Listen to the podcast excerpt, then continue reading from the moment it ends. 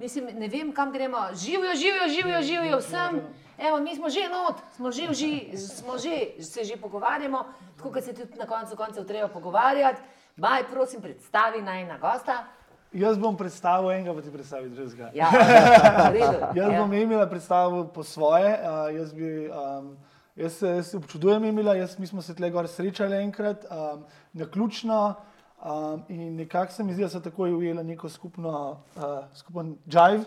Uh, in potem tudi, ko smo z Jakatom snimali, so se velikokrat malo usedla in pogovorila.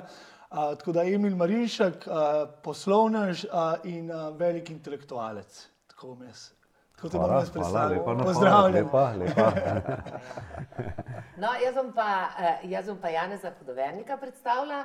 Eh, Jaz sem oba dva in Emila in Janeza na, na dogodku Mladinska knjiga spoznala, ne? A je tako, ne? Tako, ja. Uh, to pomeni, ker včasih se ti zdi, naprimer, rečeš, ah, ne bom šel na ta dogodek, pa to je brez veze, pa kaj mladinska knjiga ali pa karkoli že drugo. Uh, karkoli si že razmišljaš, v bistvu so to, eh, mislim, nikoli ne veš, kje te sreča čaka. Ne? In kje srečaš ljudi, ki bodo potem vse čas hodili, ki boste nekako usporedno hodili po istih, pod, podobnih poteh. Tako da jaz sem zelo hvaležna, da sem vaju srečala, ker pravzaprav, uh, naprimer, če se spomnim, ko sem, imela, ko sem delala to zvezdino skrivnost, sem Emila povabila, uh, to je bila ta ideja, da bi bil gost in tebe tudi, ne? ampak najprej sem Emila in je Emil čisto slučajno prišel s svojim sinom, mi, nismo, mi smo imeli, mislim, lovili smo se, kdo bo snemal, denarja ni bilo, nobenih, mislim, nisem mogla nič obljubiti in tako naprej, imela sem Sploh idejo. nismo vedeli, kaj delamo, če zares, kaj vse je potrebno za to narediti. Ja, imela sem pa dobro idejo, ki jo imam še vedno in jo bom do konca življenja razvijala, se pravi, narediti program, ki je. eh, Ki bazira na tem, da ljudem ponudim različna znanja, različne vsebine, ki jih potem ljudje sami uporabijo za svoje življenje. Ne? No, in uh, o spanju je Em- Emil uh, takrat razlagal, kako pomembno je spanje in tako. In sem ga povabila in pride Emil s svojim šoferjem, mladim fantom, sinom. In to je tako fina zgodba, je fajn, da jo povem. Ne? In, uh, uh, in jaz rečem, oprosti, Emil, le, tukaj je samo en eh, mikrofonček, pa tako in glavnem beseda da besedo. Ja, Ona dva sta, videla, sta imela že s sabo mikrofone, oziroma neko opremo, celo ne. Ja, to imamo avtu, ne? ker je, ker je namreč tis, uh, njegov sin, fant, uh, Jaka, ki ga zdaj ne vidite in sedi z- eh, za, za, za vso to snemalno uh, tehniko, uh, študiral kaj, oziroma je, bil v srednji šoli Srednja za medijska. srednja medijska in se je učil in tako naprej. Evo, in tako je, iz tega je nastalo naše sodelovanje, tako smo prišli še do kakšnega dodatnega mikrofona, kakšne dodatne luči in tako naprej. In najpomembnejše našega direktorja v fotografiji. Ja, in se že zdaj dela, on že snema filme in mislim, mogoče bomo še enkrat skupaj kakšen road, film, road movie posneli, mi, igravci. To mislim, želja in ideje je ogromno. E, pri e, e, Janezu je bilo pa zelo zanimivo, ker sem te prvič slišala tam predavati o dihu in sem to že povedala pri Zvezdini skrivnosti in se mi je tako, ko si to predaval, sem, sem razmišljala, no, delec smo preterali, ker se moramo zdaj dihati učiti. A veš, pač predsodki, se super. Jaz vedno, kadar imam kakšen predsodek, se ga razveselim, ker ga ozavestim in rečem, tukaj te torej nekaj zvezdana čaka. Ne? A veš, predsodek, ker sem nekaj proti ali pa Ja, nekaj tako. No? In potem se spomnim, da sem prebrala ta knjigo, ti si takrat predstavljal to knjigo Petrika Mekovna, Dober dih. In sem jo prebrala in mislim, da sem se ne dva meseca tega celo držala. Ne? Pa sem pa spet pozabila in potem smo se, pa smo se mi srečevali tako in drugače. V glavnem povezuje nas ljubezen do mrzle vode, povezuje nas ljubezen do zdravega načina Do življenja. spanja. Do spa- do ja, to je dihanja. vse, to je vse.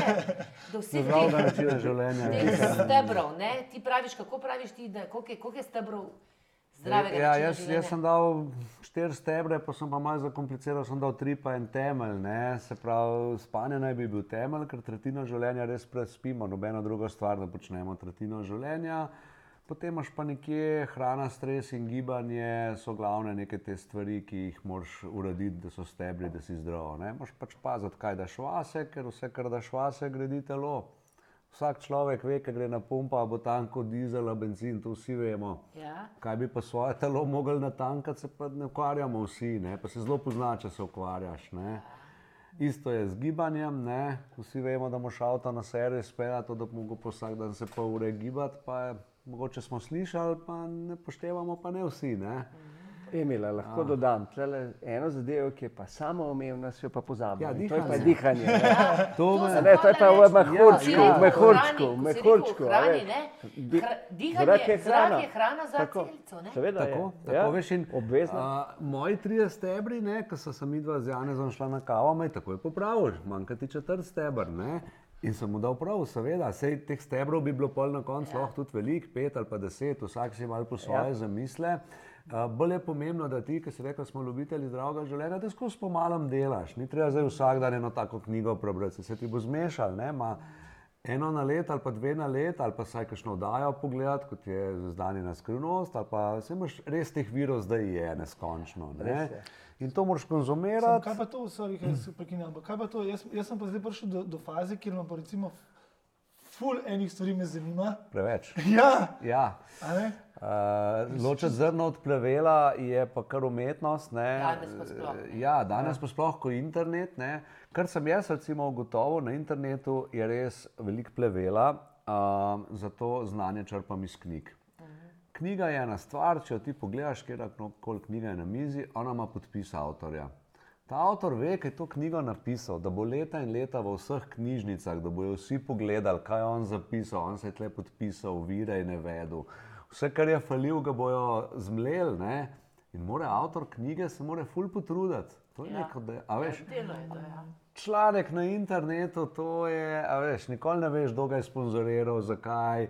Vedno je to samo na kratko, na hitro, neki redko, redko vire navajajo. In jaz sem nehal, nehal na, viru, eh, na internetu slediti, ker če ne imaš ta problem, ko ga je Maj povedal. Ti imaš milijon virov in zrno od pravila je težko ločiti. Vsi trdijo, da je vse super.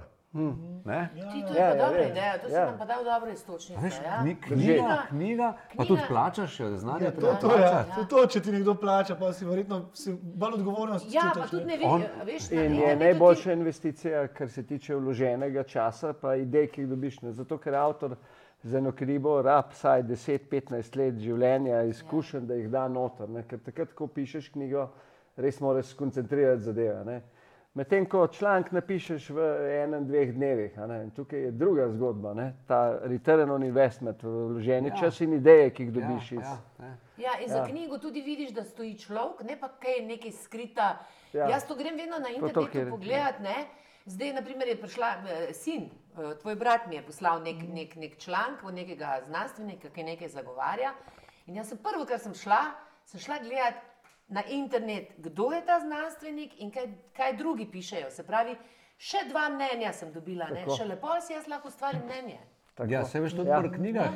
Jaz Isto. pogledam, kdo je avtor, eh, grem pogledat na Amazon, koliko se dobro prodaja, grem pogledat na Goodreads, kaj so bralci, ki so že brali, ocenili. ja. Preberem ene 10-20 revijev in preberem une s pet zvezdicam, pa une s tri, pa une z eno, malo ja, ja. pogled- a veš, da, malo, Obvezno, ja, da vidiš, kaj narobe tudi, ne. Pa pol moraš spet ločiti zrno od plevela, ker eni pač so tudi nagnjeni k temu, da se šimfajo, eni pa pač povejo. Ne? Je naporno to, kar si rekel, ločiti zrno od plevela v današnjem času, ko je informacij ne nekajkrat preveč, ampak neskončno preveč. Ti ne moreš sploh obdelati Ja, ne, ne vsega. moreš, ne. Je ful, Jaz ful to že ne. doživim, d- doživim Ja. ta šok, ko naprimer, grem v trgovino, kako veliko, naprimer, mislim, šok. Tega ne bom nikoli pozabila. Enkrat sem hodila uh, uh, pasto za zobe kupiti ne? in se postavim in je tako dv... Ja, pet 100 metrov. metrska, 100 metrske stalaže od razno raznih zobnih past. In zdaj, zdaj, zdaj jaz lahko tle diplomiram, In vse so najboljše. In vse so najboljše. Jaz sem imela pa, mi na primer, vprašaš. par informacij, po čem, se, po čem naj bi bila zobna pasta dobra. Ne? Ampak meni se tako ne da živeti. To se jaz pa vedno spomnim, ja. spomnim te zgodbe. Veš, kaj, pa, kaj je rekel, kdo je rekel, Vla, Vlado Divac, kjer je šel v NBA, ne, je rekel, da so ga poslali v trgovino, pet po uh, čokolade. In šel v trgovino in je videl vrsto čokolade. Je rekel, pri nas imamo pa samo eno. Ne. In pa si jaz vsakič, ko stojim pred kakšno tako banalno stvarjo, kot so ravno te zobne paste, se spomnim te zgodbe. Delca. Se vprašam, a vam pa ni bilo lažje takrat, mogoče, ker nisi rabo zbirati, ampak si imel Ja. ja. samo eno, pa si jo vzel. Ne. Ti si meni tudi, uh, Emil, uh, naprimer, raz, razlagal, to sem jaz pri tebi prvič slišala, da ti poslušaš zvočne knjige. Janes, a si ti razmišljal, zdaj sem dobila idejo, da bi se te, naprimer, ti maste že posnete, te knjige. Ja, ja. Zvočne. Zvočne knjige so v angleščini posnete, obe. Kaj pa v slovenščini? V slovenščini je nekaj tega, tako da se uh, dviguje gor. Je, so, je Audible v slovenščini, je kar Ne, nekaj ampak knjig. tvoja, Ja. naprimer, no, oziroma te, za katerimi ti stojiš.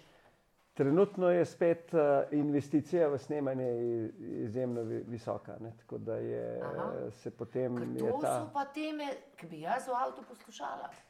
Pa ne v angleščini, ampak v slovenščini. Ja, ja, ja. Ne, Ja, jaz sigurno se. govoril z različnimi avtorji, problem je snemanja. Ne? To Tudi je, to je, pač ja. 1000-2000 evrov stane, prodaš jih pa 5 ali pa 10. Tako, res je. In tudi stroška ne, ne pokrivajo, ker Mm. pač Slovencev je 2 milijona, ko šteješ. Pa ni to trendi, veš, pri nas. Ne še, ne še. Ne, ja. ampak Ni raste, še. raste. Raste, Raste, Ja, raste, ja. raste.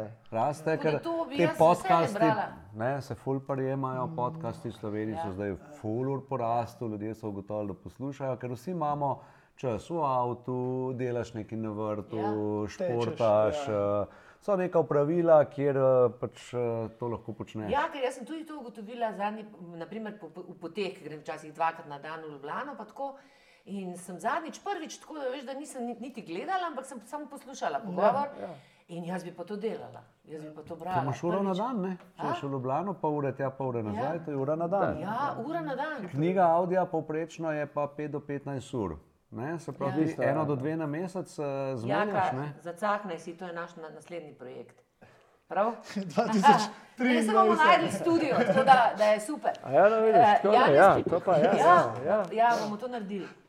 Pa bomo naredili tako, da bojo lahko, si, mislim, vse to ni tako drago, ne? Mislim, zakupiti na koncu. Koliko je to? Ja, dražje ni kot knjiga. Ne, Ne, tam, tam, tam ista, tam- tam ista ista cena je, cena, tam ne. okrog 25 evrov je to. Ja. To ja, mora ja. biti, se, to je Ja, načeloma je knjiga, ista. to kupiš, Ja, imaš to ja, potem ja. Nekdo do ti jo prebere, ne. ja. Ja, ja, ja. ja. Uh, Janez, kje si, kje tebi sploh pade na pamet? Mi bomo danes skakali, tem imamo pa, da se ti zmeša. Kje, bomo, uh, kje si se ti pravzaprav s tem dihanjem srečal? Uh, ja, bom, zgodbo, ki je dolga, bom na kratko povedal. Leta 2004 Ja. uh, mi je pri 39 letih se manj hud bolečine v križu dobo. Uh, in uh, potem, ko sem hodil kar nekaj minut ali pa ur uh, na WC, ne ima človek čas za razmišljati, in sem razmišljal, 39, pa da te križ tako le boli, nekaj ni v redu. Ne. In sem rekel, nekaj moram narediti za sebe, in sem začel malo iskati takrat na, in dobo knjigo The Power of Full Engagement od Jima Lera, ki je postal moj mentor. On je pa govoril o teh štirih energijah, ki smo se jih pogovarjali: fizična, čustvena, mentalna in duhovna energija, jih tako lepo piramidoma, kaj je pravzaprav zdravo življenje. Jaz sem šel k njemu ne, in za sebe ta prvo. Ne, in ravno v času, spet sreča, ne, ravno v času, ko sem bil gor na tem za sebe izobraževanju, so oni začeli širiti to idejo, da bodo v biznis šli. Notor to je bilo 2005 in sem se certificiral za The Power of Full Engagement, to se pravi za predavanja na teh štirih dimenzijah. Takrat je tako, kot je Emil rekel, je imel noter gibanje, spanje, prehrana, pa odmori čez dan. Ne? To so bili štirje glavni kontrola stebri. stresa. Ne, kontrola stresa, tisti štiri stebri noter in to je to. In to sem delal do, še delam tudi v Sloveniji. In leta 2015 mi pride audio knjiga, ki audio poslušam, The Oxygen Advantage in seveda, a zdaj se mu pa še dihati. Ja, da ga srat. Mislim, to pa jaz znamo. Ja. Koga tole in sem se pol leta, pol leta sem tako le ogledal, pa to, pa sem pa enkrat rekel, ima teleh 17 evrov, dihanje akcije je bila. Sem rekel, ajde 17 evrov audio knjigo, jo naložim. Po pol ure sem rekel, pa se s pojma nimamo dihanja. Pojma, pojma o pojmu. In takoj, ko jo preberem, jaz grem na internet, Patrika, mu pišem pismo, se on tako odgovori, smo prijatelja postala, fajn možaka, res. Uh, Irc noter, res tak ta prav. Ne? In 2017 sem bil že v Londonu na treningu za inštruktorja in eto. Pa je naslednji projekt je bila knjiga in danes, uh, dajmo reči tako, ozaveščam ljudi, kako je pomembno dihati in eh, kako pozabljamo na to, ki je Pravilno samoumevno. dihati. Pravilno Pravilno dihati. dihati, ja. Prav, hvala Emil. Ja, Pravilno. zdaj smo Smo- tu smo- Poudarkam, ja. renesanso, ki sem jaz imela vdajo. Jaz, namreč, jaz, ko sem dobila, zdaj sem imela vdajo o dihanju z Jamesom Nestorjem. In ko sem jaz dobila to knjigo, jaz sem že vedela zaradi tebe vse. Veš, jaz sem tako uživala, meni se je dogajalo tisto, veš, ko ti že nekaj veš, pa pa, pa pa dobivaš knjigo in si, si ponosen, ker ni, ne odkrivaš zdaj nekaj novega. Tako da sem jaz vse čas na te mislila Hvala. in vse čas tudi na tole knjigo. Želela sem si, da bi ta, tudi bil ti takrat gost, ampak pač je bil, eh, nismo imeli dovolj prostora. Ampak zdaj je, se pravi, ozavešča Slovenija, kljub vsemu začenja dihati. Dihati, Dihati, dihati, ja. dihati, dihati. Ja. Zdaj bomo se pa še pol spanju. eh, Jaz moram samo Izvoli. povedati, da to knjigo sem jaz dobil od mami. Odkar sem začela delati, sem se z mami mi daje knjige in sem to knjigo, tako kot sem vam prej rekel, meni, ne, jaz pa nisem vsega povedal, ampak meni je. Tri, tri stvari so mi v zadnjem letu, recimo, življenje totalno spremenile. Ja. Ja. V to smer, da si nikoli prej nisem predstavljal, kako bo. A ne. Ena stvar je, da sem začela mi delati zvezdno skrivnost in posledično vse to. Ja. Druga stvar je, da sem šel z Emilom ledenkotom v Potop. ledeno vodo. In tretja stvar je, da sem se naučil dihati pravilno. Ja. In to dihanje nasploh, jaz sem športnik celo življenje. In jaz, če bi športnikom mladim razložil, kako dihati, kako delati te višinske vaje, kaj pomeni, da se pomiriš 3-7-8 in to. Ne, to bi, men, jaz sem se začel drugače premikati, jaz sem se bolj suvereno začel premikati. Jaz recimo ja. bornem, pa, Ja. veš, pa zdaj gledam, kakšne so razlike. Ampak prav samo zaradi tega dihanja. A, Ja, pa še zaradi tega, ne? Ja, pa seveda, jaz sem nadgriz in si vsak Tole, večer. Si, ja, pokaži. ne? Antisnor, ja, to. To je vajen projekt ali Ja, od, ja, ja. od, od koga od vaju? Sicer Skrb so ga malo špičila. Ja, ja. skrb. Skušpičila. No, Ja, veš, kako podjetniki gremo na kavo in je že projekt. Ja, tako Ja, je. To Tako smo je. to nič kompliciramo. Glavno, moja bivša punca je imela velik problem z mano, ker smrčim in uh, nažalost je sicer malo prepozno tole prišlo. Ampak bolje pozno kot nikoli. Ne. No, ja, ti A, si še mlad, maj, tako da ej, boš še. Še čakam. No, Še ampak- precej Ne, ampak, ampak, je, predihal, ampak je, jaz se predihal. pravim, jaz sem, jaz sem tudi zvečer si, si zalepam usta vsak večer, striktno, tudi ko grem na potovanje. Tako. Je zanimivo, da, je, da je postal, so postali ti obliži in pač tudi trakec mamun je postal v moji toaletni torbici stalnica. Tudi če zobno ščetko kdaj pozabim, jo kupam, ampak to imam pa skozi. ne. Prav, isto. No, to Isto je. James Nesto tudi tam govoril, mislim, ti vidva sta to že, se, pa, se pravi, pred njim že, je bilo to že v Sloveniji, ne vem, če se to vidi. A, kje se to naroči? Kamor? To se na najnih spletnih straneh, Aha. dobrdih.si.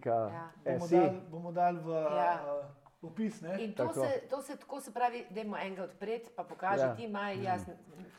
Drugače Ja, pa veš, Google vprašaš, ne, ustni obliži, pa se to Doktor najde. Google. Jaz sem šla jaz gledati takoj, ker sem se malo prepozno spomnila, pa ne priješ čisto A ne lahko. da prejš ne, ne, ne. A, Ja, okej, ja, okej. ja.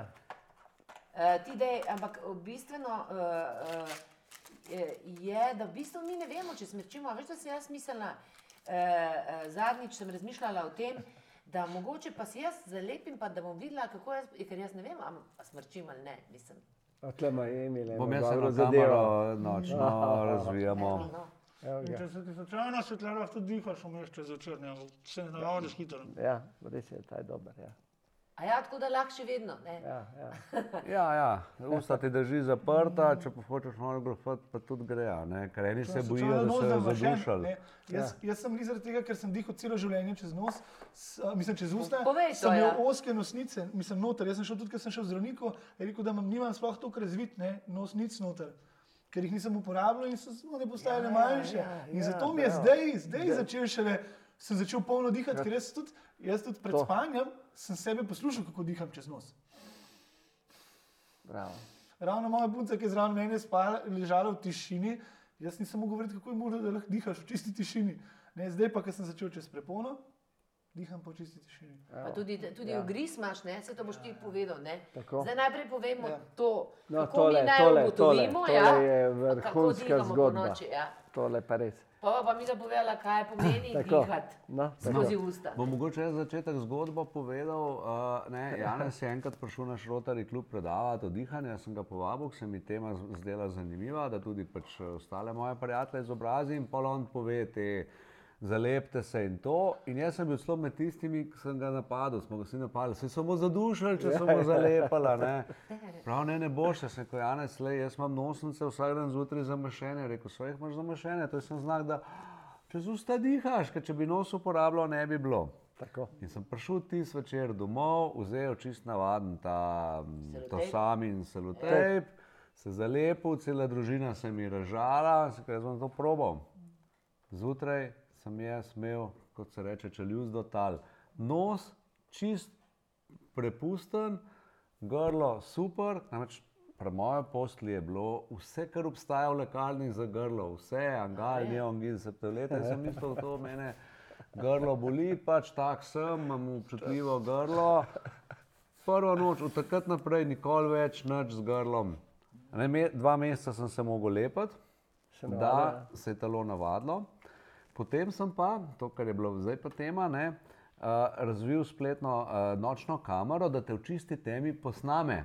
To, da imam jaz zdaj svoj posnetek in jaz zdaj vidim, da spim z zaprtimi usti.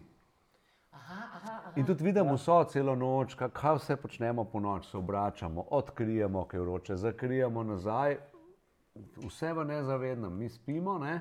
Mene pa samo zanimalo, kako so usta, a imam jaz zdaj usta zaprta ali nimam. In dejansko po dveh mesecih lepljenja ust se telo navadi, jaz zdaj spim, diham čez noč, zjutraj je noč čist prehoden, nenormalna razlika in sem postal res vernik tega, kar Janes predava, ker čutiš na sebi. ne. To, ko čutiš na sebi, ko se ti zbudiš, prehoden nos, tega nisem imel desetletja prej. Ja, Ker seveda, če ga ne uporabljaš, se tam noter nabere sluz, ne, ker dihaš čez usta. In tudi zdaj, tudi če se mi zamaši, ga znam z dihalnimi vajami v dveh minutah uh, spucati. Ja, ja. Ker to Janes se uči, se naučiš, to spucaš nos. No, tlele je en, povej, ja, pardon, ja, ja, ja, ja. Tlele ena, ena pomembna zadeva. Ne. Em, eh, Emil nam pomaga odkrivati eno tretjino življenja. Ne. Ta njegova kamera je bila meni revolucionarna in tudi, uh, z njo sem tudi doma v družini prepričal Eno ljudi. tretjino življenja mi Ja, spimo. ja, eno tretjino. Ne. In Zdaj Vse. ne vemo nič. Ne. In tlele je kar je Emil en korak naprej naredil, ideje, ne, kako to povezati, to uh, nadzirati noter, ne se, se pogovarjava predvsej o tem. To bo res. Tlele je še ena naslednja revolucija, je spanje. No, ampak Verjamem. zakaj, eh, ti zdaj povej namreč to, a veš to, kaj se dogaja, če dihamo skozi Ja. usta, kaj se dogaja, dogaja, če dihamo skozi nos. Zdaj, Vim, samo to ti še, Ja. preden začneš. Pred 14 dnevi sem prebrala, da Vim Hof, ki uči, se pravi tisti uh, agresiven dih, je prav, jaz sem ga slišala na posnetku, pravi, ko ga vprašajo ali skozi nos ali skozi usta, on pravi, ni tako zelo pomembno. Ja, eh, zdaj, če, če se vrnemo na ta komentar od Vima ja. Hofa, če delaš dihalne vaje, kadar delaš dihalne vaje, ne, to, to je potem eno omejeno obdobje, rejva reči, t- od 10 do 15, 20 minut, takrat mogoče res ni tako zelo pomembno, ja. Ja. ne, da dihaš uh, skozi nos. Sicer bi jaz rekel, nos je za dihanje, usta so za hrano in pijačo. Uh, z, enostavno, ne, prva zadeva, kaj je pravzaprav tista ključna zadeva dihanja, je, da zmanjšuje vnetje v telesu. Pravilno dihanje zmanjšuje vnetje v telesu, vnetje so pa potem posledice za vse bolezni. Zdaj, druga preprosta razlaga pa je, zakaj na nos, ne na usta.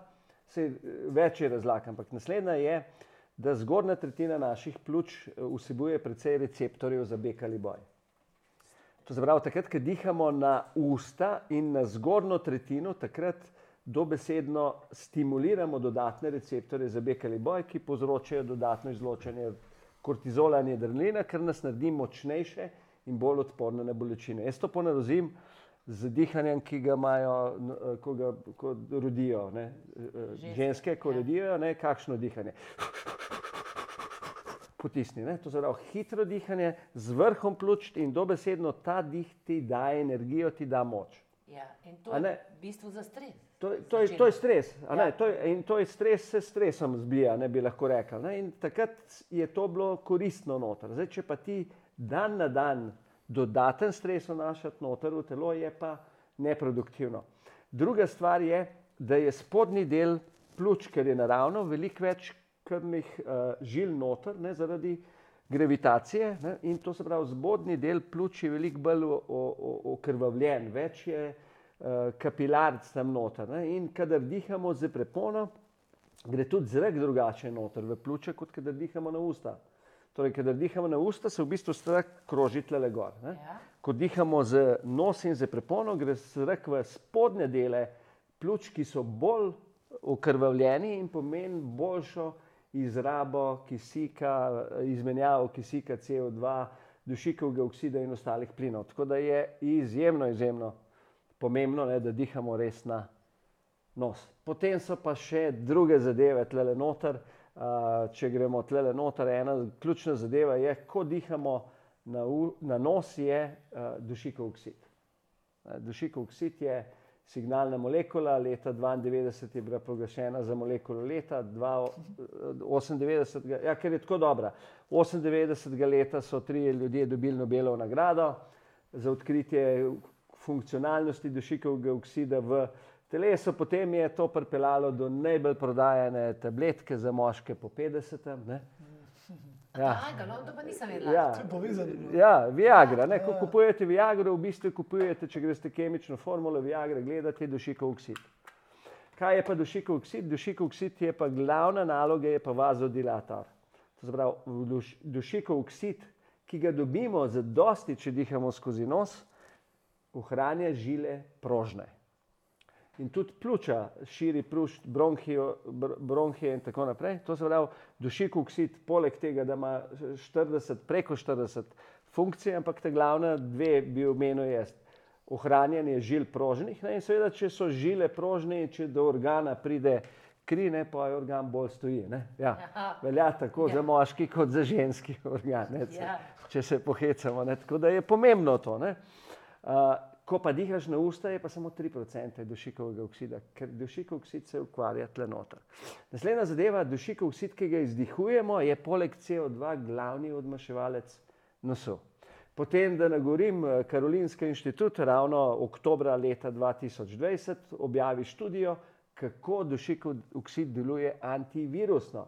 To ne, ne zdaj narobe razumeti, da, bomo, da ne bomo, da bo virusa, ja. ampak ga ogromno ga prepreči. In še ena zadeva, zakaj dihati čez nos, če tole pogledamo, ne, 100 milijard delčkov vdihnemo na dan. 100 milijard.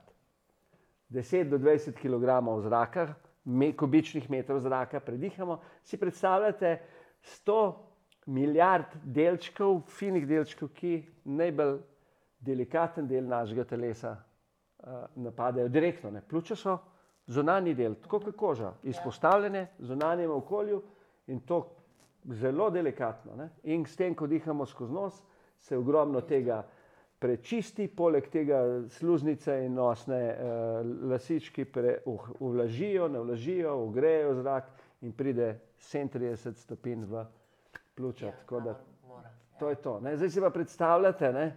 kaj to pomeni dihati na usta dan za dnem in uh, poleg tega bombardiranje zunanjega okolja, uh, da pa ne rečem, da pa glavna zadeva je pa dušikov oksid, za katerega pa ljudje praktično zelo malo vejo. Ja. Ne? ne vejo, koliko je pomembna ta signalna molekula. Tudi ne vemo, uh, uh, ampak to boš mi po, boš povedal, ker zdaj se bom takoj navezala. Se pravi, dihanje in spanje sta res dve, in hranjenje, pravzaprav izmed teh na prvi pogled najbolj osnovnih funkcij. Ja. Dihanje skozi nos in spanje. In to, in oboje. Kaj to počnemo? Dihamo skozi, spimo pa ja. eno tretjino življenja. Ja. Prav to vse skupaj je že, ja. že kaj, teoretično pol življenja. Ja. in če tle meka naprej, narediš še ogromno, ogromno, ogromno, ogromno, ogromno. Ja. In, ja. in kaj je s spanjem? Spanjem, naprimer, tu, eh, jaz dihanje sem zdaj že pridna. Pri spanju pa, naprimer, uh, zakaj pa spanje tako zelo pomembno? Pa te ure, da moraš pred polnočjo iti spat, pa to. To, da je spanje pomembno, zdaj je pravzaprav jasno. Ne? Ti si tudi zaradi, samo če to vprost, zaradi, povej, zaradi česa si se ti, pa, tako kot Janes, je tudi zaradi svojih težav. Uh, bolezenskih, ti si se pa tudi zaspal. Uh, ja, jaz sem doživel izgorelost. Ne?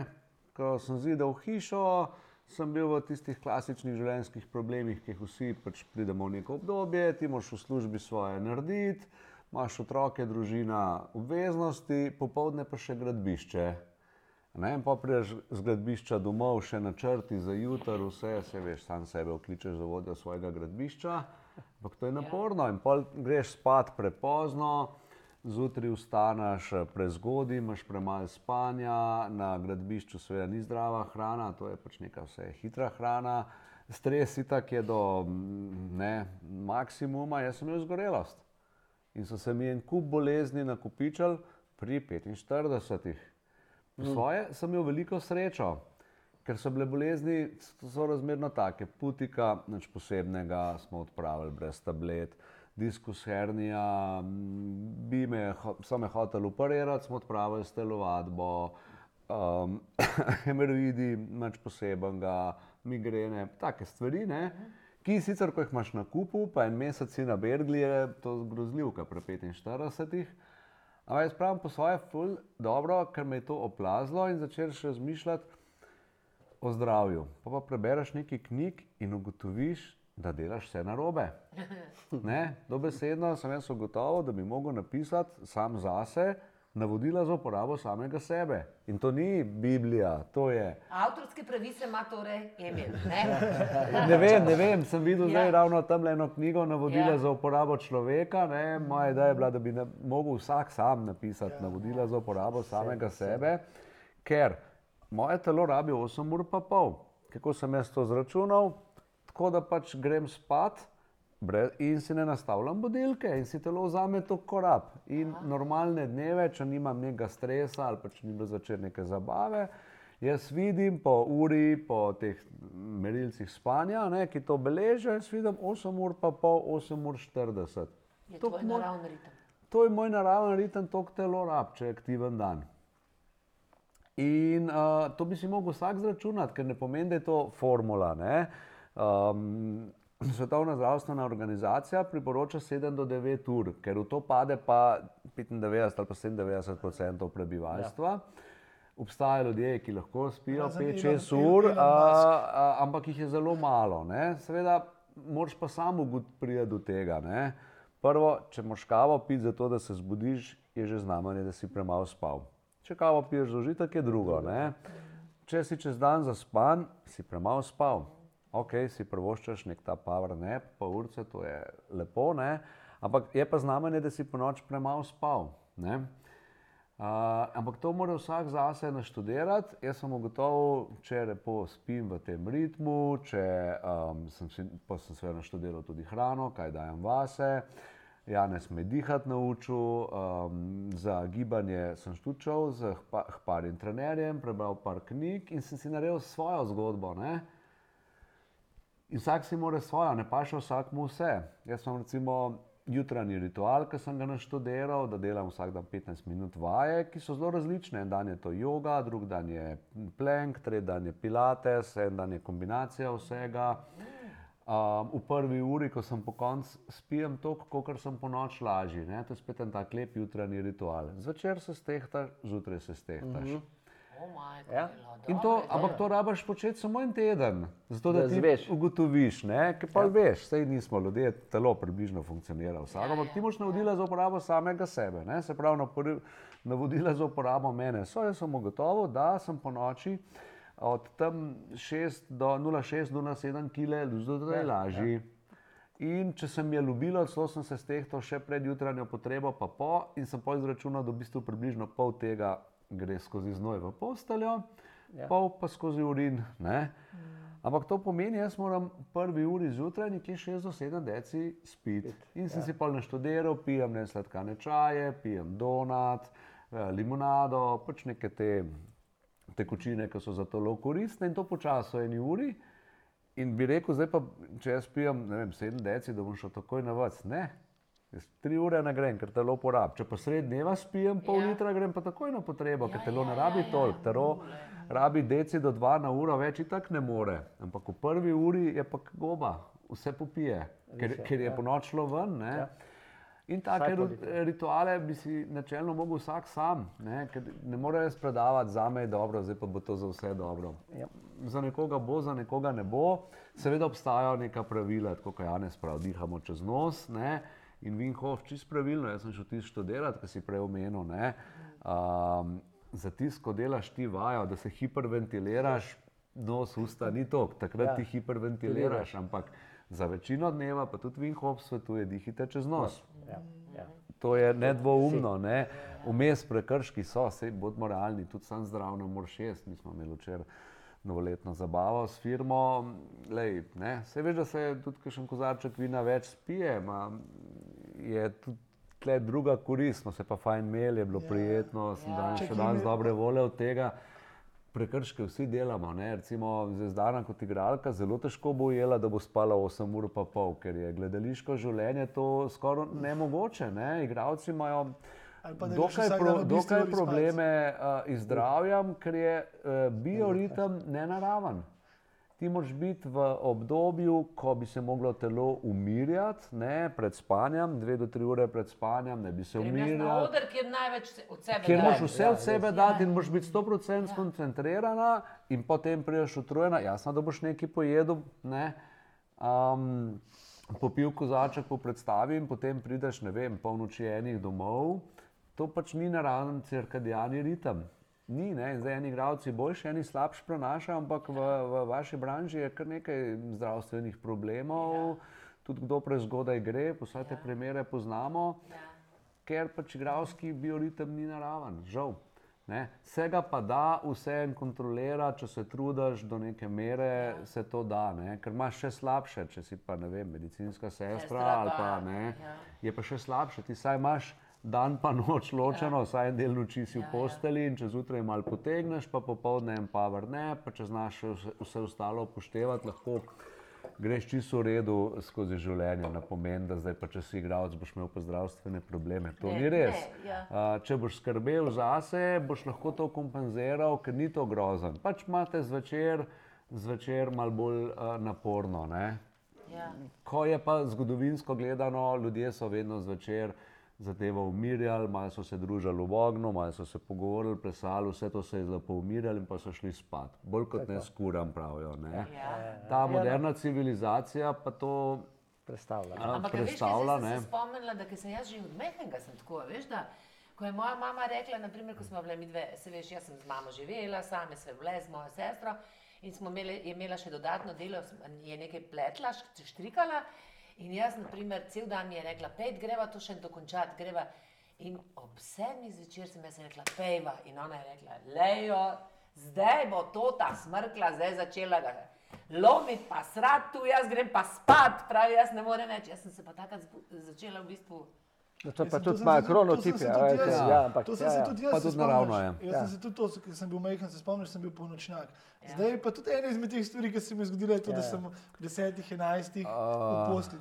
Naravno je, naravno je med 10 in 20 letom ali pa do 25, da enostavno mladina ni zaspana. No, Tako, To sem te ja. jaz hotel Ja, To ja, reči, je da nek to naravno obdobje življenja, kronotipi se nam malo spreminjajo, že v osnovi smo lahko jutranji ali pa večerni kronotip, ne, ali pa umestni ali pa kombinacija, ampak znano pa je, da v najstniških letih se pa to premakne. Uh, nočne ptice postanejo najstniki, niso in niso zaspani, a ne jaka. Ja. Ampak to je naravno in to vemo, in zjutraj bi spali. Ne, Ja. Njim se to premakne. Neka te- Morajo pa v šolo. Ja, Ja. morajo pa v šolo. Neka teorija pravi, da je to narava tako naredila, da v teh letih, ko se morajo oni malo ločiti od Tako, staršev, ja, ja, ja. da, da, Ja. da a veš, on mora začeti samostojno funkcionirati v življenju in babi bi šla spat, mladina bi pa norela. Ne, Ja, in je ja. to, to dokaj naravno. Ne.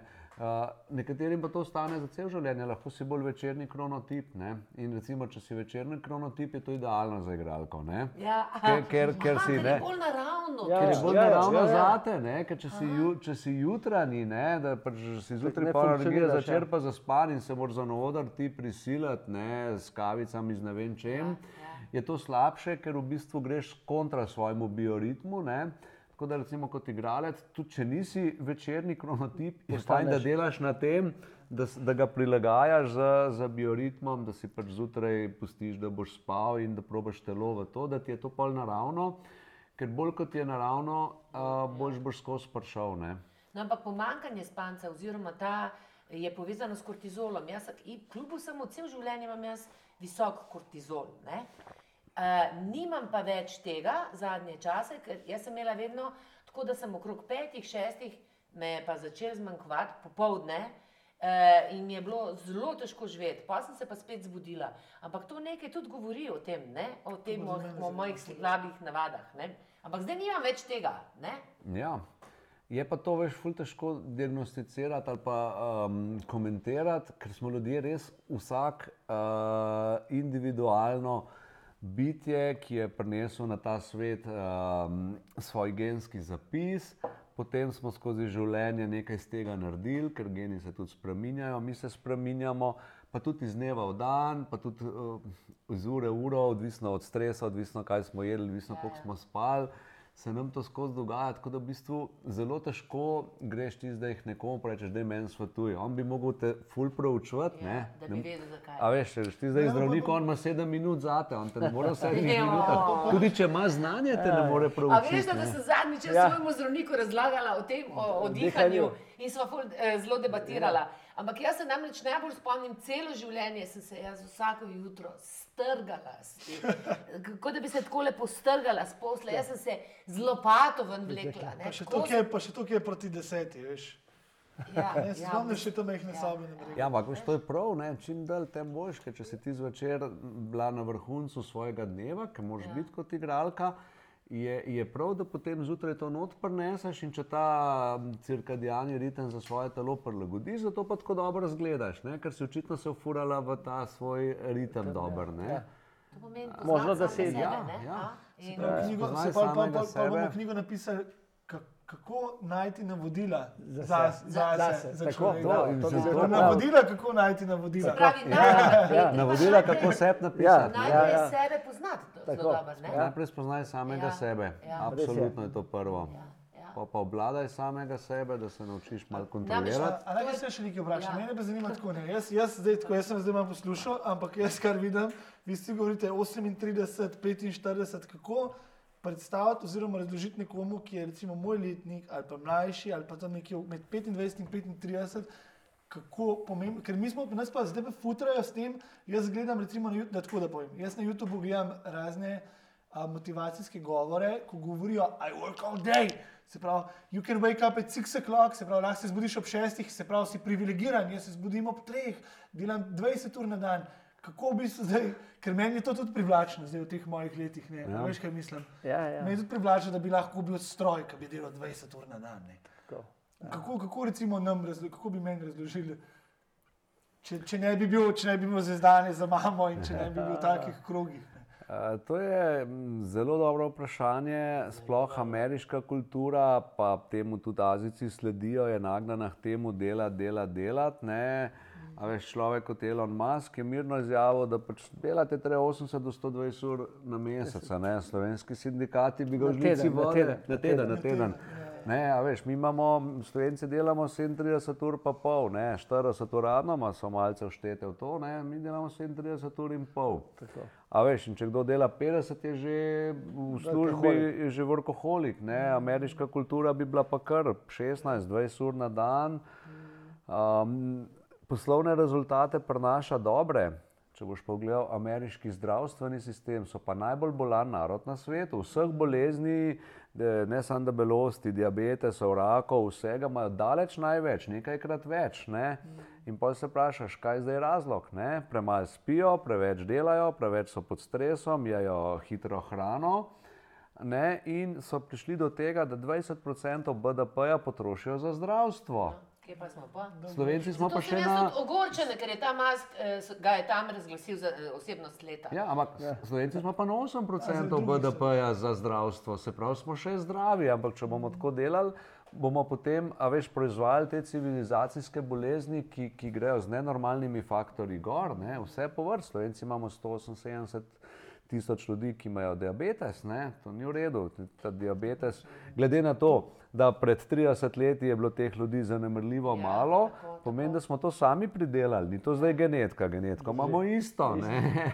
Um, smo pa seveda sladkorja uživali preveč, spali premalo, Ja, No, to je to, to, to smo pa jaz smo drugem. premalo. Ja, diabetesa, 3 milijone ljudi na leto zboli, ma- ima, zboli zaradi diabetesa, en milijon ljudi na svetu je danes lačnih. A, si, a vidva veste za ta podatek? Ja, To ja. je šo, šokanten podatek. Šokanten, ne? Mi govorimo milijon na svetu je danes lačnih, po mojem, pa kar ima večje to število. na mesec, verjetno. Zdaj, jaz ne vem, ali je to No, na leto. trikrat ne. več je prenažrtih kot pa lačnih. Obrnil se je ta prenažrtost pa lakota. Aha, to to, to, to, to bi to. Ja. Ja, tok a veš, mi več čas Ja. govorimo o tem problemu, problem je pa že nekje drugje, se je cela Amerika predebela, pretežka. Ne? Ne samo to. Ampak in spanje, in dihanje vplivajo na kilograme. Tega ljudje to. ne vejo. Ja. Ne? No, No, to, to je, to je, to je en, en, ena Ja. ja. pom, pomembna To zadeva. sem pa ne. jaz dokaz. Ja, Ja, to je res. e, e, ena pomembna zadeva. Ne, tlele, ni čist tako, kot bom zdaj povedal, ampak bom za, namenoma malo takole di, eh, razložil. Ne. Vsa maščoba, ki jo predelamo, ne, in to, da jo predelamo veliko in da je telo ima afiniteto za maščobo, to vemo vsi, ne, gre ven skozi dih. Ne, In, in, in vse maže, ne, vse zadeve, ki vam pravijo, no, noter, dajte se mazati tam, ker ste na maščobe dobili, pa treste, pa te zadeve. Mislim, to je, zastopimo blažev žegen, lahko je placebo efekt, ampak tako pač telo ne deluje. Če gremo v osnovni krepsov ciklus, poenostavljeno, ne, kaj se dogaja? Ne? V celico in noter v organelo mi, mitohondri, kjer so naše celične peči. Slušajte zdaj to. Če rečemo, v celico pride noter ali glukoza ali keton, to sta dva osnovna goriva, ali glukoza ali keton, oziroma maščobne kisline, pridete noter. Zraven pride kisik in to potem v mitohondriju zgori. Tako da kisik je ravno tako kot hrana zelo pomembna. 10 do 20 kil- kubikov na dan ga rabimo. Ne?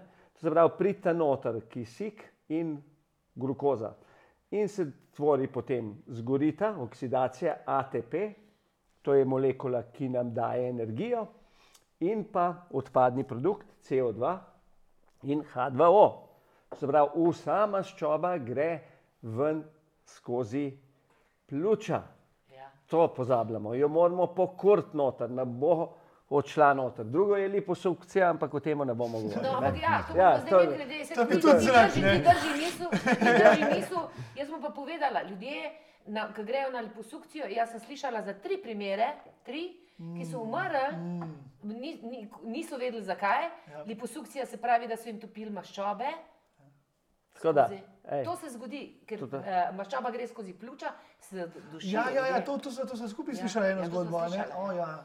Tako da drži misel ja, naprej. ja, no in, in zdaj imamo pa dva načina tvorjenja energije. Ne? En je z kisikom, drugo je pa brez kisika. Ne? In tukaj je velika razlika. Ko imamo kisika za dosti v celicah, takrat se tvori od 30 do 32 ATP molekul.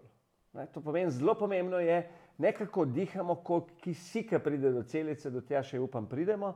Torej, če je za dosti kisika do celicah, se tvori 30 do 32 ATP molekul. Kadar ni zadost kisika, recimo, če gremo v zelo visoko v treninge, ne, visoko, takrat gremo v anaerobno tvorjenje, ki je pa zraven, ki mu pa rečemo fermentacija. Takrat se pa kurta samo dve molekule ATP, to se pravi 16 krat manj, stranski produkt je pa mlečna kislina, a ne, muskel fiber in take Ja, zadeve. ja. In zdaj vidite, koliko je človek, koliko, časa lahko res nekaj visoko intenzivno delate.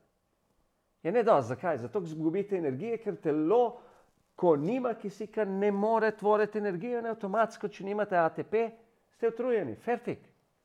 Ne, in morate, naz, eh, je tole raz, pomembna zadeva, ne, torej za dosti kisika ne, in vse te maščobe torej morajo zgoreti v mitohondrijih in tle pride pa noter spet, kako pomembno je, da se spravi kisik do celic. In zdaj imamo dve vrsti dihanja, eno je to, kar vsi govorimo, ne, tole zunanje dihanje, o tem govorimo, drugo je pa mogoče še bolj pomembno, je pa celično dihanje. Ne, tle pa pridemo do CO2-ja. Noter, ne. Kaj je pa ključna zadeva? ja. Ne? Da res kisik pride do celic. Ne? Več kot 80% kisika oksihemoglobin, oziroma kisik pride v, v pljučih, v, v kri in se tvori oksihemoglobin. Hemoglobin, ne, to vsi vemo, nosi kisik do, po kapilarah do posameznih celic in seveda uh, Zdaj pa tukaj pa pomem ta Borov učinek noter, eh, Kristjan Bor, eh, oče Nilsa Bola je tole leta 1904 pogruntal, več ko imamo toleranco za CO2 v krvi, to se pravi več ko je CO2 -ja v krvi, bolj hemoglobin spusti kisik do celic. Ja. Tega pa res ne vemo in to so Ja, pomembne to je to je To si zdaj nelogično. No, zapomnite. in CO2, dva- ki smo ga imeli za strup in ne vem kaj še vse, Tako je, je očitno no, nujno nujen, potreben. Tako, nujno, eden od ključnih plinov v našem telesu, ki pa ne, je, pustimo na slabem gradu, kot to, na slabem glasu kot toplogredni glin, ampak v našem telesu je pa ključen. Samo podatek, recimo, ne, v izdihanem zraku je stokrat več CO2, kot v vdihanem zraku. V vdihanem zraku ga imamo 0,04 procente, v izdihanem ga je 4 ali več procente. Ne. In tudi osnovno dejstvo, ki se vsi spomnimo, če nekdo dobi panični napad, kaj je treba narediti? Prva osnovna zadeva, oziroma vrečko in predihati. Ne? Zakaj? Zato, ker potem se koncentracija CO2 -ja v krvi poveča in hemoglobin spusti kisik do celic in se človek umiri, ker dobi energijo. Ne? Celice dobijo svoj pomemben kisik. Uh, in z hitrim dihanjem znižujemo CO2. Več kot dihamo, več CO2 izdihnemo, to pomeni, da se koncentracija CO2 v krvi zniža in hemoglobin ne spusti kisik, če tudi je kri nasičena s kisikom. Na to merimo. Ne, ljudje po hiperventilaciji z oksimetrom, puls oksimetrom, 99-100% nasičenost. Ne? Ampak telo pa ni dobilo celice. Zanimiva fora, nekaj pravi, ko si živčen globoko vdihal. V bistvu je, je pa treba globoko izdihati. Izdihati. Bravo, bravo. Tako, Ja. ja. In zadržati. Ja. In tudi, eh, in tudi naprimer, eh, vse so športniki, se, kjer je športnik tisti, ki je celo eh, eh, zadrževanje, zadrževanje pomeni, da to treniramo z, z zadrževanjem diha. No? Zadrževanje Vem, da so športniki na olimpijadah tekli celo, celo, uh, celo tekmo, Šprint. ne da bi šprint, ne Ja, da bi šprint, brez da bi dihali, vdihnil, ja. ampak so zadrževali, ker je imel več energije. Izdihnil Tako, je ja. pa je za laufo. ne? Ja, ja. Izdihnil In tudi, recimo, uh, snajperji in te zadeve, ne, na zadrževanje na izdihu ima še malo večje uh, uh, učinke fiziološko na telo kot zadrževanje na vdihu. Ne, in tudi, recimo, snajperji je osnovno pravilo, izdihneš. izdihneš in takrat se umiriš, res tudi srčni utrip gre najnižji dol, ko izdihneš, se umiriš in takrat je znak, da se sproži. No, recimo, kot ena taka zanimivost, ne, kako je pomembno. In ko zadržujemo na izdihu, seveda toleranco za CO2 dvigujemo. Ne. V teh možganih imamo en termostat in to toleranco dvigu- dvigujemo. Ne. In to je osnova ne, dihanja. Zdaj pa spet smo nazaj pri nosu in ustah. Ne, ko dihamo na usta, seveda dihamo več, še, še enkrat več. Ja. A ne to pomeni, da greš še enkrat več CO2 je ven, druga stvar, CO2 in dušikov oksid sta pa odmaševalca. Glavna. In kar probajte, vlešte se na trebuh, začnite dihati na usta, 10 minut imate nos za mašen. Zakaj? Enostavno, zato ga CO2 in dušikov oksid ne čistita noter. In seveda telo je pač očitno potem dobi komando, ja, vse ga ne rab, vse ga lahko zamašimo, ne, saj ja. telo tisto, kar rabimo, ne sprošča. No, in Ja, tukaj v tej knjigi imaš pa, pa res zelo dobro in natančno razložene, razložene vaje. V, v Nestorjevi knjigi so samo primeri, tukaj je pa res dobro to razloženo. Ja. Zdaj pa tebe, Emil, tako kot je, smo zdaj slišali, ka- kaj se zgodi, če ne dihamo dobro, oziroma kaj se dogaja v telesu, kaj se dogaja v telesu, če ne spimo dovolj. Oziroma, ko, ko pomankanje spanja, kako se pa to rekel, na maščobo pa na to vpliva. Po domač vse je narobe, ne? Telo, telo ni v, v Pa tudi na maščobo homeostazi. vpliva, ne? Ja, Tako, kaj je to homeostaza? Da, je v ravnovesju, da funkcionira, tle bi Janez mogoče najden lep stavek, homeostaza je ravnovesje, da Ja, telo, naravno stanje telesa, neko je- naravno stanje telesa, da, da vsi procesi normalno delujejo. uh, uh, potekajo in telo stremi k temu, vedno se poskuša biti zdravo, če se le da, ne? zato imamo imunski sistem, da se bori proti virusom. Um, in spanje tle je dosti ključno, ker v bistvu raziskave kažejo, da ni celice v telesu, ki nima vpliva, uh, da spanje ne bi vplivalo na njo. Jo ni in vse, celo telo tudi funkcionira v cirkadijanem ritmu. Še danes imaš naslov najbolj znane knjige o spanju, je Zakaj spimo, ker se znanstveniki sprašujejo, zakaj spimo, zakaj je narava tako naredila. Če ti si to, to knjigo tudi uh, je sem da. Ja, občasno. Ja. občasno kaj mm, predavam. predavaš, tako, ja, knjigi jaz tako imam gor, jaz sem jo pozabil dol. Ne, ampak znanstveniki se sprašujejo, zakaj spimo. In je to še do danes vprašanje, ki nima 100% odgovora, ampak mm. je pa nedvoumno jasno, vsa živa bitja spijo, na vsako celico telesa spanje vpliva. spati je treba dovolj. Človek je edino bitje, ki načrtno si jemlje spanje. Vse živali, vsi jih imamo doma, vemo, psi, mačke, oni grejo, ko jim čutijo potrebo narava, po ja. spanju, grejo in si vzamajo. Človek je edino bitje, ki si načrtno um, jemlje spanje in tudi načrtno ruši naravni bioritem. Tudi to je problem. Recimo, prej, ko smo bili pri hrani, pa pri diabetesu, to je ena zanimiva stvar, ki se jo bi mogli vsi zavedati, pa se jo ne. Uh, spanje je post. In angliški ja. izraz breakfast, če pogledamo, je break fast ali prekinitev posta. Ne? Uh, in prvi obrok v dnevu je vedno breakfast, ne? se pravi, tudi če ti z- z- ob Odpone. 12 ješ, Ja, ne, ja, je ja. to Breakfast. prekinitev posta, ker narava je naredila, da si v tem času telo odpočije in si mora odpočiti tudi prebavni trakt. In ena velikih napak, ki jih delamo, je, da jemo pred spanjem. Uh, to znanstveniki, tudi nagrajeni z Nobelovo nagrado za cirkadijane ritme, uh, so ugotovili, da pač telo v nekem tem naravnem ritmu je tako narejeno, da v spanju se pusti in da je nekje dve, tri ali štiri ure pred spanjem treba nehati jesti, ker je tako v zgodovini bilo. Ljudje so se dopoledne ali pa za kosilo najedli, ker so veliko delali, zvečer so nekaj malega pojedli, potem so se podružili in šli spat. Mi imamo zdaj neko kulturo praznanja hladilnika tik pred spanjem, ki je problematična z več vidikov. Ne samo iz tega, lahko ti zdaj res nekaj malega poješ, če si sem sam košček sira noter dal, ampak ti si s tem sprožil nek, eh, nek eh, biološki proces, ki si telesu povedal, zdaj jemo, Želodec mora sprostiti kislino, cela prebava mora obdelati, a si noter dal majčken košček ali velik košček, sprožil si proces in si telesu povedal, zdaj jemo, torej bomo delali. To- Tako je bilo vedno v zgodovini. Ja, ne. ja, ja, ja, ja, ja. Tudi še danes je tako, običajno se naješ, ko boš šel nekaj početi, za spat se ne rabiš najesti, ne rabiš.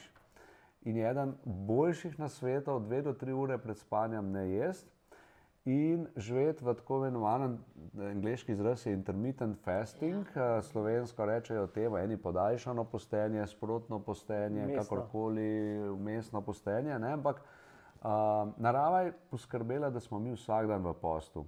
Tistih 7, 8, 9 ur, ko spimo, se postimo. Uh, raziskave pa kažejo, da je najbolj, če bi se pustili pa vsaj 12 ur na dan vsi. In to ni neka visoka matematika, to so nam že babice govorile po šesti, ne, jej, to smo vsi slišali. Ne?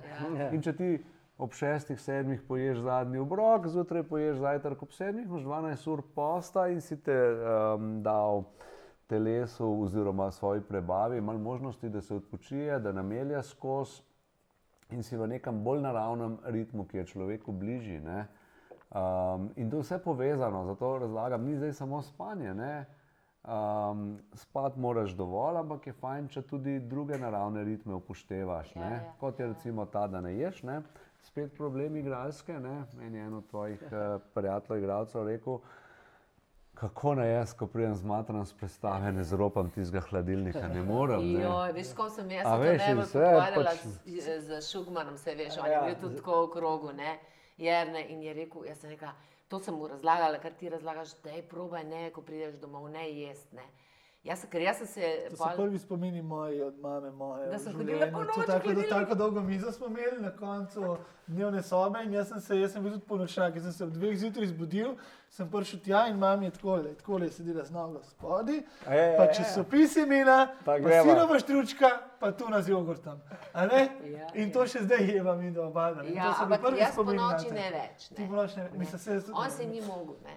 Ja. Ja, Ni se mogel upreti, pa je plačal ceno. Ne? ja. Ti delaš, ne, ta. Ja, jaz delam, jaz delam 16-8, jaz ja. po, od 6 do 10 ne jem. a, In, no, to je v bistvu še ena stvar zraven, ki mi je totalno spremenila življenje. No. In te, tako kot ste rekli, tako kot se danes pogovarjam o tem, o veri, o tem, kako naj bi človek delal zase. Jaz moram reči, da sem končal. Edin spanje, to se mora še zmeniti. Se mora še pogovarjati. Lej, korak po Ja. korak, ne gre, Ja. ne, gre, ne moreš vse v, v en dan. Da zdaj boš rekel, danes bom prebral 100 knjig o zdravju, jutri bom pa nov človek, superman, ne boš. Ne? Življenje gre korak po korak. Vsak teden pogledaš eno zvezdano oddajo, pa si mečkam, pa mečkam, pa poslušaš Maljaneza in tako naprej. Teh strokovnjakov je veliko. Pa moraš pa sam na sebi delati in si ne, spoznaj samega sebe, obvladaj se, je neka osnova v življenju. Um, ne gre drugače. Sam Zakaj ti, Janes, misliš, ti si tudi ta knjiga, to si jo pa ti prebrala, jaz še nisem prebrala in praviš tudi, da ti je kar spremenila življenje. ja. Eh, zakaj se Sem, mi... smo spremenili mi je zdaj, zato ker sem začel delati. Tega, ker sem Ja, pač ja, pod pritiskom zaradi dela. Zaradi tega, veš kaj, um, bom kar jaz povedal, kaj je ta uspešni pod pritiskom.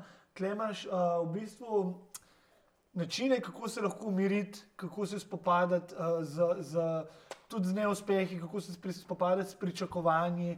Prvič sem dobil razlago, ki, ki sem jo razumel o manifestiranju, o, o v bistvu samo hipnozi, o vizualizaciji. Uh, kako v bistvu si predstavljati? Mislim, jaz, mi smo vedno mislili, uh, vizualiziraj si uspeh in si si vizualiziral, kako si tam v enem avtu ali pa v bazenu pred kakšno bajto in tako naprej. Ja, ja. Ampak v bistvu ta potek, kako si ti vizualiziraš vse, vsak korak posebej, uh, potem samo hipnoza. To je tudi v bistvu neke vrste skoraj uh, manifestacija. Tudi ne. o tem pišeš, samo hipnozi. Ja, ja, ja, in je ful zanimiv ta potek. Um, in, uh, ja, me- Meni osebno je ful pomagal, zaradi tega, ker tako, sem, ne vem, ljudje me ne poznajo, vi me malo bolj poznate, delam tisoč stvari naenkrat, iščem se in kako. In mi je to pomagalo tudi sfokusirati um, moje cilje. Veš, moje cilje, Ja, ja, mi ja. to, kar zdaj delamo, ne, jaz še pred pol leta sem 17 različnih stvari delal in nisem si predstavljal, kako bom jaz to fokusiral. Potem pa, ko delam te stvari, ko, ko se delam, jaz imam pa vsako jutro dve ure, zdaj skoraj. Rituala. Ritual, zato se namreč zbujamo ob petih zjutraj. Ja, ja, A veš, po svoje, da ja. pride noter, da vse te stvari, ki sem Ja, se ja. jih naučil. A, in ja, jaz definitivno predlagam vsakmu človeku, um, mojih let, whatever, mlajših, starejših, um, ljudje, ki si želijo uspeti v življenju, ljudje, ki so pod pritiskom, uh, predlagam to knjigo za prebrati. No. No, jaz bom zdaj en, Hvala. eno, naprimer, ti si, ti si tudi ti- citiral Nikola Tesla, pa bom prebrala. Potem pa mislim, da je to dobro iztočni za, za, za nas vse. Uporabite moč vizu, vizualizacije. Nikola Tesla pravi, moja metoda je drugačna. Ne hitim z izdelavo. Ko dobim novo idejo, jo najprej začnem graditi v svoji domišljiji, ter delati izboljšave in preizkušati napravo v svojih mislih.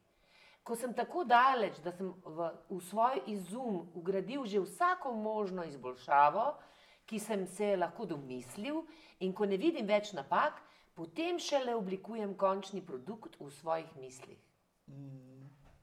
Se Ja. pravi, genialni Nikola Tesla tako dela. Tako. Zdaj, pa, zdaj pa to 21. stoletje prevedi. Ja. Kjer, smo, kjer je vse na Ja. dosegu roke, kjer lahko vse narediš, pa je trajale nero. Zdaj se bom jaz takoj, takoj na to, na to uh, uh, navezala, da mi sem to. To pomeni, a veš, uh, naprimer tole uh, uh, je nekaj, a vi vidite, kdo ve, kaj to je. Tukaj bo kar gor. Tukaj, tukaj. Kdo ja. ve, kaj to je? Verjetno je tu nek, neko idejo moral ta človek, se pravi doktor, po- kako se Borut reče? Poljšak, doktor Bo- Borut Poljšak. imeti neko idejo. Ne? In uh, uh, da je sploh pomislil na to, da, uh, naprimer, ker je se povezano je s spanjem, ampak meni se zdi genialna in res premalo, premalo videna. Ne? To je blazina, na kateri spiš. Ne? Ja. Ja. In to je moral, moral imeti, on je moral imeti idejo, se pravi, neko noro idejo, uh, ki naprimer, pomaga predvsem ženskam, pa mislim, da tudi moškim, ki je tle trakec manjka, ker jaz sem ga dobesedno zdaj iz posla vzela, ne, uh, da spiš in da ne, da ne mečkaš lica. Se pravi, v tele lukenci spiš in še vedno imaš lep naslon. Ne? Ja, to je morala biti ideja. Poljšak je raziskoval, raziskoval eh, staranje, on se ukvarja namreč z Ja, anti-agingom. ja. Je raziskoval staranje in pri gubah na obrazu je ugotovil, da jih je približno tretjina od staranja, Ja. Tretjina od mimike, smejanja in tretjina pa od tega, ko spimo in nas mečka. ne. In tretjino življenja In to prespimo. so nekako ugotovili, kar tretjino gub ja. na obrazu si pa zmečkaš sam. In potem seveda je rekel, kaj če bi mi naredili vzglavnik, ki nas ne bi mečkal, ampak bi podprl tukaj pa tukaj, tle pa ne bi mečkal. Ne? To je imel seveda predvsem v mislih ženske, kako bi na naraven način se počasneje starale, ne? da pač eh, bi imele kasneje potrebo po botoksu. Ne. Ne bo to se sploh ne bo imeli potrebo, ne? Dobro, to je bilo malo začet, ne, ja. ampak uh, naravna metoda, ne, ker vsi si želimo počasneje starati. Ne, to je od nekdaj bila želja človeštva, da bi pač človek čim dlje časa bil zdrav, funkcionalen in tako naprej. Vsi vemo, da je to možno, vsi poznamo 80-90 let stare ljudi, ki krasno funkcionirajo, so zdravi in tako naprej. In tega si vsi želimo. Ne? In seveda dr. Polšak točno to raziskuje. Anti-aging, ne? uh, po slovensko, uh, proti Proti staranju, staranju. ne? Ja, ali ja. kako bi se počasneje staral. Ja. Seveda to vključuje tudi uh, prehrano, to vključuje gibanje in vse ostalo. Ne? Uh, to je pa ta del, ki se tudi da neki nares, da se pač manj mečkaš in ta vzglavnik se je celo pokazal, da enim super odgovarja. Mogoče res ni za vse, to, bi, to se ne bi upal zdaj trditi, ampak tistim, ki jim pa odgovarja, so pa prezadovoljni in ga ne dajo No, gledajte, jaz sem končno našla možnost, da ga predstavim, predvsem zaradi tega, ker se mi zdi to genialna ideja. Zdi se mi tudi zelo dobro darilo. Zdaj smo pa pri tem, pri tvojem stavku, se bom kar takoj ustavila in tukaj naj bo ta istočnica. Se pravi, videli smo, kako so pomembne ideje. In hkrati si ti zdaj rekel, ni, eh, da, se, da ni za vse, da se mora človek navaditi. Zakaj imamo mi take probleme s tem, da se moramo na nekaj navaditi, kar je dobro za nas? Mi vemo, da je nekaj dobro za nas, pa se moramo na to navaditi, oziroma ne naredimo nič, raje zbolimo. Raje imamo gube, ali mislim, zdaj bom pretiravala, Ja, raje ja. ne vem. Mislim, ne naredimo zase nič. To je Poslušamo, kimamo, kaj je zdaj tu? filozofsko vprašanje, po moje, a veš, Ja. ko si pred polnim krožnikom. Pred polnim krožnikom, ja? Ne, veš, da je to preveč hrane, tvoje telo ne rabi toliko. In zdaj, če bom jaz to pojedel, le nekaj, špeh bo, ne? in špeh je nezdrav. In ti to veš. In to vsi vemo, po moje. Ne, ne Ja. vem, če kdo tega ni slišal, da pač ne, preveč Ja. hrane ni dobre. ja. Ampak zadržati se pred tem polnim krožnikom je, je očitno tako velik problem, da večina človeštva, več kot polovica, je danes predebelih v zahodnem svetu. Ja, ja. To, kar si prej rekla, pač trikrat več je, je vsako leto na novo predebelih, kot je v njih talačnih. Ne? To se zdaj počasi obrača, talačnih počasno več, debelih bo pa zmeri več. Ja. In to gre zgleda na vsa področja in je, se mi zdi filozofsko vprašanje, ga ne znam dobro odgovoriti. Probo sem to s krožnikom, ker se vsi znamo predstavljati. Vemo, da je ta večerja prevelika. Vemo, da smo se nažrli, vemo, da je želodec poln in pride na takar, sladico, pa smo Jaz sem naročili. Zakaj? zakaj? Doktor Jordan Peterson, ne, ker imamo vidva ločena mnenja, ne, govor, veliko govori o odgovornosti. Odgovornost je stvar, ki jo v modernem svetu zelo težko ljudje prenesejo. Se pravi, odgo to je odgovornost. Ti lažje rečeš, šibak sem, ne zmorem, Je, to ne, lažje, ne ja. gre, ne bo mi ratalo. Zato, ker to je, pač, to je postalo splošno, zdaj je sprejet, spremljivo. Ne? Tudi jaz, jaz vem zaradi sebe namreč. Ne? Jaz sem bil, jaz sem, povedati, jaz sem bil včasih težek žrel. In jaz, ko sem prvič v življenju rekel v petek, ko so me frendi klicali, a greš ven, sem rekel ne, jaz sem se počutil kot zmagovalec. Ne? In zdaj, zdaj, zdaj mi je pa postalo to normalno. Včeraj so me klicali, prideš ven, sem rekel ne. Imam za dela danes, ne? ker sem začel odgovorno sprejemati. In tako se mi zdi, tudi s tem. Z vsako tako stvarjo, Ja. cigareti, alkohol, spanje, vse je treba odgovornost prevzeti. sem sam Ja, sebi v bistvu odgovoril na vprašanje, ki sem Tako. ga dal prej. ne. Ja. Je pa to filozofsko vprašanje, zakaj tega ne zmore večina prebivalstva. Ti Ja. zmoreš, Zvezdana zmore, jaz se trudim, ja ne zmore. Jaz poznam veliko ljudi, ki to zmorijo in res delajo na sebi, ampak hkrati pa vsi mi poznamo veliko ljudi, ki ne zmorijo. ja. Uh, in tudi, če mu daš na svet, pove, da pozna na svet, vem, da bi mi to koristilo, ampak mi je pa lažje, lažje pravi, po a tem Lahko, lahko, malo- a lahko še malo vode na sonju Ja. in potem gremo. Tukaj si ti po mojem E, svetovnjak. ja. e, ne, Ena osnovnih zadev je tole odgovornost na prvem mestu, naslednja zadeva so pa seveda navade. Ne? Mi se določene stvari navadimo in navada je železna srajca, to smo slišali in to vsi rečemo, pokimamo, ja, ampak to je to, tle se ustav in to pomeni uh, odgovornost ne prevzamemo, kot je Maj rekel. ne. Uh, in če smo se mi navadili slabo dihati, je zdaj to del naše navade, naše železne srajce in ko nekdo te uči novega dihanja, rabaš čas. Za navado pa vemo, da a ne, včasih je bila tistih 21 dni popularnih, ne danes vemo, da je poprečje 66 dni, bolj gre na, na 90 dni, da se neka navada ustvari. In, uh, in tle imamo eno zadevo, ne, kar tudi tle noter pišem v knjigi o vizualizaciji, da pač ne si, da si prevelikih, ja, sanjati o velikih ciljih, ampak postavci minimalen začetni korak, Ja, te ja. mikronavade, uh, mikroukrepi. Ne, in uh, zakaj sem rekel na vodo na svoj mlin? V tej knjigi pišem par uh, tehnik, za, ki jih lahko v realnem času uporabiš, ko si pod stresom. Ne. To se pravi, v, v realnem času pomeni, zgodil se je stresni dogodek, zdaj pa nimam jaz časa, da bi se odmaknil, sem noter, sem na sestanku, na pogajanjih, tekma je pred mano. Uh, rabaš na odarjati, ne, to se pravi nekaj, kar je v realnem času, recimo ti si že prej omenil, 4, 7, 8, ne, ti v realnem času 90 sekund rabtelo, da se umiri. 90 sekund. Ja, in takrat, ne, to je ta fiziološki uh, proces. In če narediš 4-5 ponovitev, 4-7, 8 vaje, dihalne vaje, te to nazaj prizemlji, zbere se skupaj in si seveda v drugem uh, modusu operandi, drugačnem načinu delovanja, kot če tega ne narediš. Ne? In, in uh, ko delaš te majhne vaje, ne, ki so tle noter, dve do tri minute, lahko postanejo pa del navade. Ne? In ko postanejo del navade, ti še druge stvari lažje pa pridejo noter. Ne? In to postopoma. Tudi, ne, tudi, ta- ta- tudi, tudi kako si napisal knjigo, moram reči, zdaj se pravi, v zadnjem letu sem jih izjemno veliko prebral na, na, na podobne teme. Ne, in je ful pri, pri, um, lahko se bere, ne počutiš se, da je težko. uh, karkoli pre- Notranjosti, ker si mi kar- jo citiral Ja. v različnih. V različnih situacijah si rekel, da to pa je Janez napisal tako. a Veš, to pomeni, da te. Ja, se pravi, ne moram Si reči, da, je- da je zelo, zelo dobro tudi napisana knjiga. Marci, kjer je knjiga, jaz ne pridem do konca. Jo, jo na treh četrtinah pustim, pa jo pa preberem. Tvojo sem prebral do konca in tako, kot imaš ti, veš, kako imaš seznam, ima večino knjig popisanih. Pa zato in ta knjiga moja, sem upal, da te ni težko, ampak je popisana, pa Hvala označena. Vse- To je ta prava knjiga, to je ta Ja, prava knjiga. ja. To biti, Popisana, to je označena, ja, kompliment tako. za avtorja. Ni ful dobro, ful dobro napisana. Ja, hvala. Ker, uh, no, uh, kje je Je naprimer, la- taka tehnika?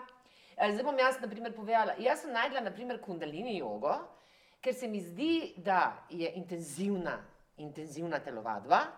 Diham zraven, se pravi, če po zjutraj sto. naredim, uh, uh, naredim celo, cel, cel niz eh, dihalnih vaj in hkrati tudi na nek način mentalno te, te uravnava. Uh, to je tudi, mislim, to, to, kar ti tudi govoriš, pa kar, kar ti pišeš, tle noter, mi moramo najti neke tehnike, kjer pa tudi lahko več stvari hkrati. Ne? Tako. Da danes, ko nimamo No, se toliko to časa. hotel reči, Točno da to, tle, tle evo, dobro piše, to. kako lahko več stvari narediš. No, Točno to, to, povej, točno to. ti- Evo. kje- Kaj ti priporočaš tukaj, naprimer? Evo, jaz uh, bom dal eno tehniko, ki jo zjutraj, eh, to ta kombinacija troj, trojni trojček, ne, tako ki je zdaj popularno pri uh, Dončiću, ne, tri stvari naenkrat. ne. Ja. Ja. In sicer idejo sem dobil pri Džingis Kanu. Džingis. No, zdaj smo pa tam. Ne. Ja. Džingis, Zdaj smo tam. Dži- Džingis Kanova tehnika, njemu jo pripisujejo Džingis Kanova tehnika dihanja. In sicer Džingis Khan uh, in tudi uh, potem to svojo vojsko je učil to noter in ko so oni trenirali, so mogli narediti. In zdaj so z usti, z vodo v usti, so mogli jeti teč, Laufati. Karkoli delati, delati, vse stvari upraviti in na koncu so mogli to vodo ven Celo. celo izpluniti in pa tisti, ki jo je najmanj popil, je bil zmagovalec in on je na ta način takrat pred tisoč leti, skoraj 1300 je bil on, je takole svojo vojsko pripravil do tega na nos. na ja. nos. No, zdaj pa pride. otroke to učili. oni tam. Ne, ja, top zadeva. Ne, in to, to je bilo, to mogoli je še to, aha. danes nekaj najbolj no, normalnega. Isto, te, isto sem bral, da te, ki pridejo k nam na Ljubljanski maraton, te kenici isto trenirajo v svoji temperaturi, tam, ki laufajo vodo v usta in gremo, ne, pa se pripravljajo za maratone. Ne. Spet smo tam, dihanje na nos. No, zdaj pa ta moj trojni trojček. Ne, zdaj, in jaz tole razmišljam, tako kot ti praviš. Jaz imam rad učinkovitost, več stvari naenkrat. Kul, cool, to se pravi, Džingis Khan, dajmo to se pravi vodo. Vaje za raztezanje, da jim siguren dober naredil, recimo pozdrav soncu, pa določene Asane delam v jogi zjutraj, ok, dajmo z vodo to začeti, krasno gre, evo, res diham skozi nos, pravilno dihanje. In potem pridem še na idejo, ne, razstrupljanje nismo danes še omenili. ne. Jaz Ja. imam sedem dejavnikov, ki jih bom zdaj naštel po vrsti, ne, ki smo bili prej. Ta Prvo je dihanje, ne, dihanje. Pa je spanje. Spanje. Govorim, po, po katerem nas bomo najprej nas bo ugonoblo. Ne. Ja, Dihanje, ja, takoj. Ne. Ja, Spanje, pa je prehrana. ja. Ne? Potem so odmori čez dan. Uh, potem je gibanje, to je vrstni red, ki jaz dam prioriteto. Potem je sončna svetloba. Čas na soncu, to smo pozabili. Ne? D3 vitamin, zdaj za korono je to postal pomemben. Čas na soncu, čas v naravi. In sedmi dejavnik je pa razstrupljanje. Pri razstrupljanju pa spet pozabljamo, ne? pravi vrstni red. In pravi vrstni red ni potenje, ampak je dihanje, potenje, uriniranje in defekacija ne, ali velika potreba. Ne. Ker spet koliko? 10 do 20 kubikov predihamo. Ne. To se pravi, glavno razstrupljanje je še zmeraj dihanje, to pozabljajo. Ne. No in uh, ena čudovita zadeva se mi je porodila, ne beremo žrklanje olja. A veš, da sem jaz, ko si ti rekel vodo, sem jaz rekel, kaj pa Ja, če bi bravo. jaz poskusila to s tem? Odlično. No? In to je bila moj trojni trojček, je vaja joge, žvrkljanje olja in seveda pravilno dihanje. In sem zamenjal žvrkljanje, leneno olje, Leneno olje, leneno tudi- tudi- sezamovo leneno olje. Tudi, olivno je, ne? ali kva? Sezamo olivno, najboljše je laneno, Ja. sezamo tudi olivno olje, zjutraj je en požir, ga daš v usta in ga lepo To je meni dolgo že tale gor. Že veš, kako kar tako rumen rata. Ja, ja. Čist, čist. In Ja, to, ja. to je čudovita vaja, 10 do 20 minut žrtvanja zjutraj, uh, ni treba umivati zobe, dobesedno te razstrupi, uh, potegne stvari ven, uh, beli zobe, uh, zdrave ustne votline, uh, tako da ogromno enih uh, ten kože. Da, da, a veš, spet je tle enih enih stvari, enih stvari, ki jih lahko dobiš koristi. In to pomeni 10 do 20 minut na jutranje joge, pravilno dihanje da- in da- Da bi en mlad, da bi en mlad pred 20 začel se to delati, koliko časa mislite, da bi živel? Ja, Zdaj bi mislim, že res da- 120 doživel. ja, v bistvu. ja, po moje, da Ja, ja. sej, ne? trendi Po moje, da so, ja. trendi so, da bomo živeli Res, del. Ne? ja, Mislim, ja. mi tu- Ne, se pravi, že tako, zdaj pa če bi, zdaj pa, če bi Ja, še tole vse bo implementiral, ne? Bo šlo čez sto let, ne? Si bral ti tudi, tudi eh, jaz pre, To jaz jim priporočam. pravim, včeraj sem se pogovarjal. Eh, Hararija, pre, pre, prebrati se pravi Ja. ja. Homo sapiens, Homo deus in 21. eh, na svetu za 21. stoletje. Eh, On nam napoveduje in tudi se pravi znanost tudi gre v Ja, tej to ja. smer, da nas podpira, da bomo živeli 120-130 let. Ne? ja. Ja, ampak Ja, seveda. pa se že zdaj vidimo, že zdaj vidimo napredne otroke. Jaz ga moja ta malo, 9 let je stara, jaz sem, jaz sem bil 30 let nazaj, 25, sem bil pri 9 letih za glavo manjši, oni so pa cel razred, so vsi približno njeno velikost. Evo, ne. ja. Vsi in, in meni se zdi, da je in, in, in inteligentni, pri 18 letih. Seveda, prosti, jasno, ko sem več. ti zdaj, Pri 18, 19, tako kot jaka, jaz velikrat pravim, "Veš, kaj smo mi takrat Ne, ne, razmišljali? to se pa jaz ne Kje bo strinjam. žurka, ne? To se pa jaz z, z inteligenco se ne strinjam. Se, Eh, se jaz se ne poistovetam strinjam. malo. Eh, Tale, tale Rajovič je meni rekel, da zaradi, zaradi se pravi otroci, zaradi up- premalo so v naravi, premalo kognitivni, se kogni- kognitivne sposobnosti razvijajo in uh, trend inteligence pa žal ne sovpada z trendom, da bomo več stari, ampak No, bi- če ja. dalje več je manj, mislim, če dalje več je manj inteligentnih ljudi, to veste. Ja, to si ti povedala. Ja. Ne, jaz, ki se že o To otrocih je pogovarjam, malo- jaz bi, jaz bi tudi rekel, A da sta. Čudi me, Ja, ja. Ti imaš tudi veliko. ne? Pomen si vejo, da to ja. združenje teh najbolj superinteligentnih ljudi ja. vidijo, da jih je manj, da se znižuje zaradi tega, ker vse to, kar mi zdaj govorimo, mm. pa velika večina ljudi ne uporablja. Se pravi, gibanje, zrak, uh, se pr, uh, Uh, Svetloba. svetloba, otroci bi morali vsi hoditi bosi, Tako. vsi bi morali biti več zunaj, Zunaj, morali bi biti dolg čas, ne? ker tole, tole gledanje pa je dela res takšno škodo, da si mislite, da moramo. Ja, veste, vi, da jaz, jaz ko sem kot natakar delal še, a, so otroka pripeljali v vozičku, leto, dve starega, sem mu naštimal na voziček a, tablico ali pa telefon in so, da so starši lahko lepo v miru povedali. In to je zdaj tega, tok, da je žalostno gledati. To je res. Ja, pa v avtih imajo displeje, sploh ne gledajo več narave, če si jih vklapljajo v to Tako da to, kar si ti rekel, ne veš, Realno. pri komu se začne. Pri nas, starših, ne. Ja, Res je. pri vas, starših, ja. Ja, ja.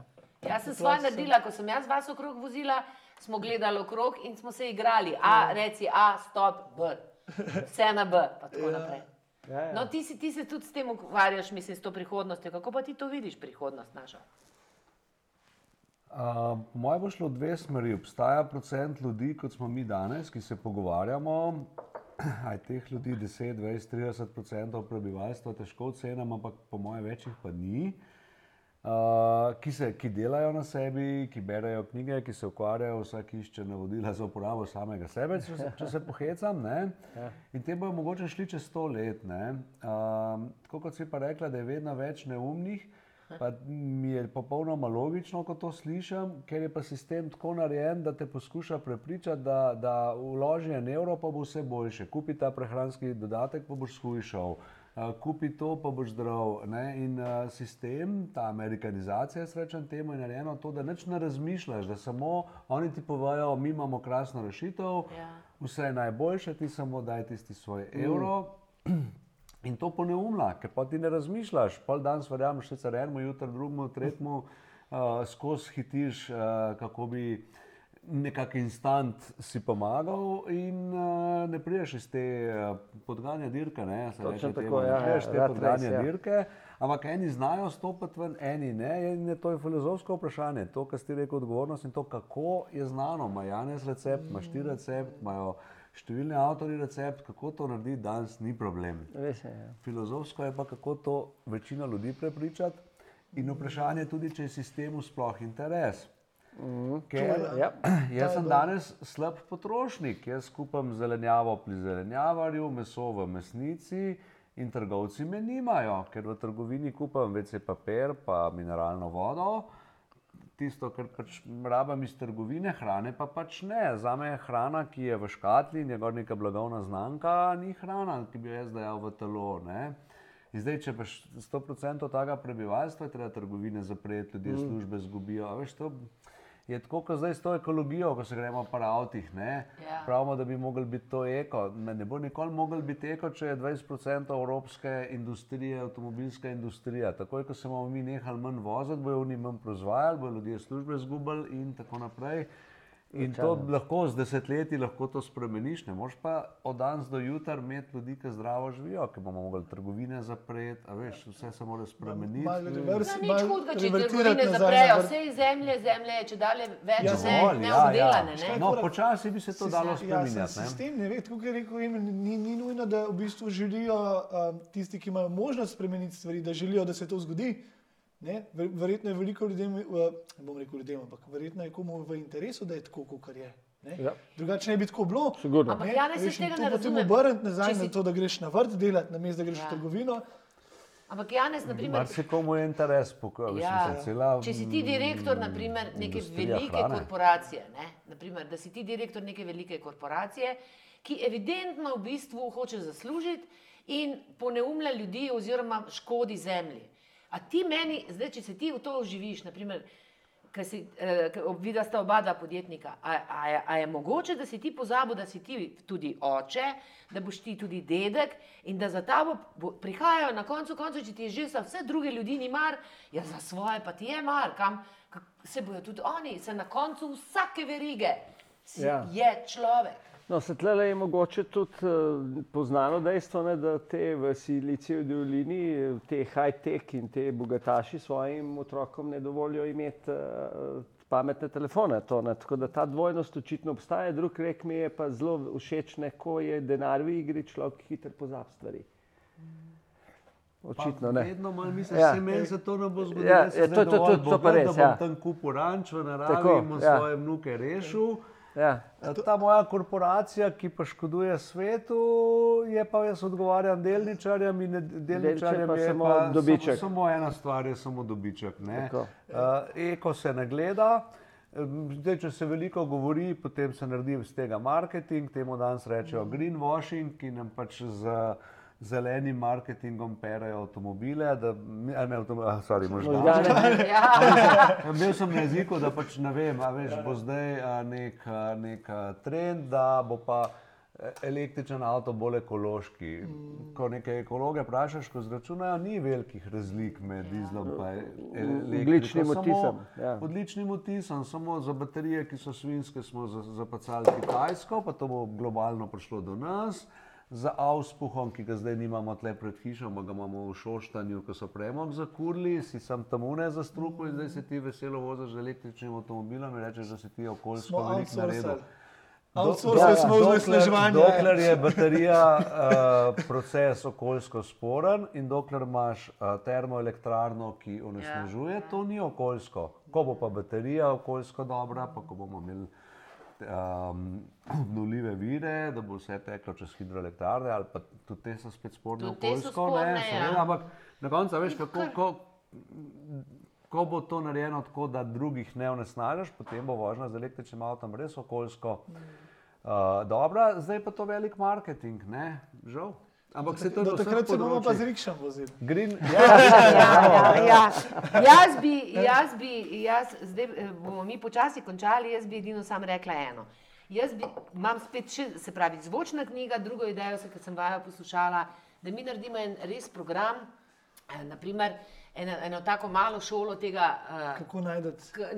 najti sebe, oziroma tega zdravega življenja, teh parih korakov. Tako rekli. In kako za konec bi pol dala pa eno tako mm, mm, vprašanje vesti ali pa duha, koliko je vsak izmed nas, oziroma koliko vidva tudi mislite, da smo res ljudje pripravljeni na te spremembe. To pomeni, da se, koliko smo pripravljeni, da bi se na koncu koncev manj vozili. Naprimer, koliko smo pripravljeni, za, naprimer, da ne uporabljamo več plastičnih vrečk? Jaz naprimer, da, mislim, da je Slovenija idealno majhna in prav velika, zato da mi vso plastiko tukaj se rešimo, vse te plastike. Mi, smo, mi bi to lahko naredili. Mi smo in V mislim, do- da že- doglednem času, Ja, in da že, embalaža, že obstajajo, eh, mislim, da neka, neka gibanja. Ne? Ampak hočem reči, ampak jaz sem, začel, jaz sem že začela. Jaz sem tlele na kmetiji, kjer kon, točno vidim, koliko koliko smeti naredim, zaradi tega, ker jih moram odpeljati v dolino. bravo. Se pravi, nehala kupovati, mislim, plastičnih vod, flašk in vsega tega nič. In tudi gledam v trgovinah, da kupujem stvari, kjer je čim manj embalaže. Se pravi, jaz sem že začela. to je pravilno. A smo pripravljeni? Še, kaj še vse lahko naredimo? Uh, jaz mislim, da ozaveščanje je, ker začne se, tako kot si rekla, pri, pri posamezniku. Ne. Če bomo ljudi ozaveščali, bo do, po, pa zgled moramo biti sami. Ne. To se pravi, Kaj razširjati ti, na takele. primer, že delaš za? za Ja, Točno to, kar je. Recimo, ena zadeva je nič plastenk. ne. Ja, nič, ja. Vrečke sabo, ko gremo v trgovino. Take mehne zadeve. Ne. Tako kot je rekel Emil, če je hrana zapakirana, raje ne kupaš. Ne. Čim pri sebi začeti. Tako? Prišla sva z enim avtom, zakaj bi Tako. z dvemi, a veš? ja, ja, Ja. točno. Se Ja. slišiš, greva z enim, pa zakaj bi dvakrat izpuh bil, ne? Primer, ja. Tako s mečkami koraki, ne? Enega pa koraki. prvega, Ja. ne. Darila sta mi prinesla, se pravi, eh, dekco in ti košarico s sadjem. Se pravi, to so vsa darila, ki so res koristna. ki so- Naravno, ja. Naravno, Naravno, ne, ne bo ja. nič ostalo, ne? Ja. Nobene plastike ni, Ja, ne? ja. A pa ti delaš? A, jaz sem najbolj ponosen na to, da, da že zadnjih pet let no, uporabljam štiri vrečke, za, s katerimi gremo v trgovino. Ja, bravo. pa, še to, Bravo. pa še to so vse v bistvu platnine. No. Torej, to je začetek, uh, to je moje. Pa zagotovo se rad ostavam pri naših uh, prijateljih, uh, premanjci zdaj v Rifuzlu. ne. Je rifuzl, ja. Rifuzl, oni, ja. oni so full faced, uh, imajo dobre stvari. Uh, pa jaz se pravim, zdaj sem se začel ukvarjati z trajnostnim turizmom. Ne. Ja, ja. Ja, tudi to je korak, to je, seveda. to je, ja. Seveda. Definitivno. ja. Zdaj se razmišljamo, ali bomo na elektriko prejeli, ampak bo pustimo to, pustimo to za naslednjič. Ja, kolo, kolo, longboard in tako Ja, naprej. ja, Ja. krasno. No, zdaj pa vidva masta še posebno čas, zdaj pa lahko pogledate direktno v kamero in pa, naprimer, kaj rečete. Na koncu tega našega, uh, kako se reče, že podcasta, to se moram tudi jaz naučiti. Kaj je, v kaj verjamete, oziroma v kaj, kaj je neka vizija ali pa fi, življenjska filozofija tvoja, Janez in tvoja Emil? Uh, uf. Boš ti. Ja. Um, moja življenjska filozofija je, da probam živeti uh, na en način, da skrbim sam zase in za svoje zdravje. Ker če sem jaz zdrav, ne obremenjujem sistema, ne obremenjujem drugih, ne obremenjujem družine. In da poskušam pri tem tudi pomagati drugim, ker en pa po en, če bomo vsi delali na sebi, bomo kot družba boljši. In to so, kot smo prej rekli, majhni koraki. Um, na nek način bi lahko rekel, poskušam vsak dan kakšno malenkost zboljšati. Mm -hmm. Ne moreš biti vsak dan nov koraki, človek, ne? boljši, ampak z majhnimi koraki uh, biti um, sam zase, ker najprej moraš biti sam zase zdrav. Ja. Ker če ne, ne moreš nobenemu pomagati, če nisi. Potem gledaš, da si zdrav za družbo. To, kar smo prej govorili, vrečke, vse to, to isto jaz počnem, čim manj z avtom. In tudi na koncu koncev zdrave misli. Ne? Da to Seveda, družbo zdrave vidiš, misli. da družbo vidiš v, v, v, enem, v eni jasni, uh, da podpiraš družbo v.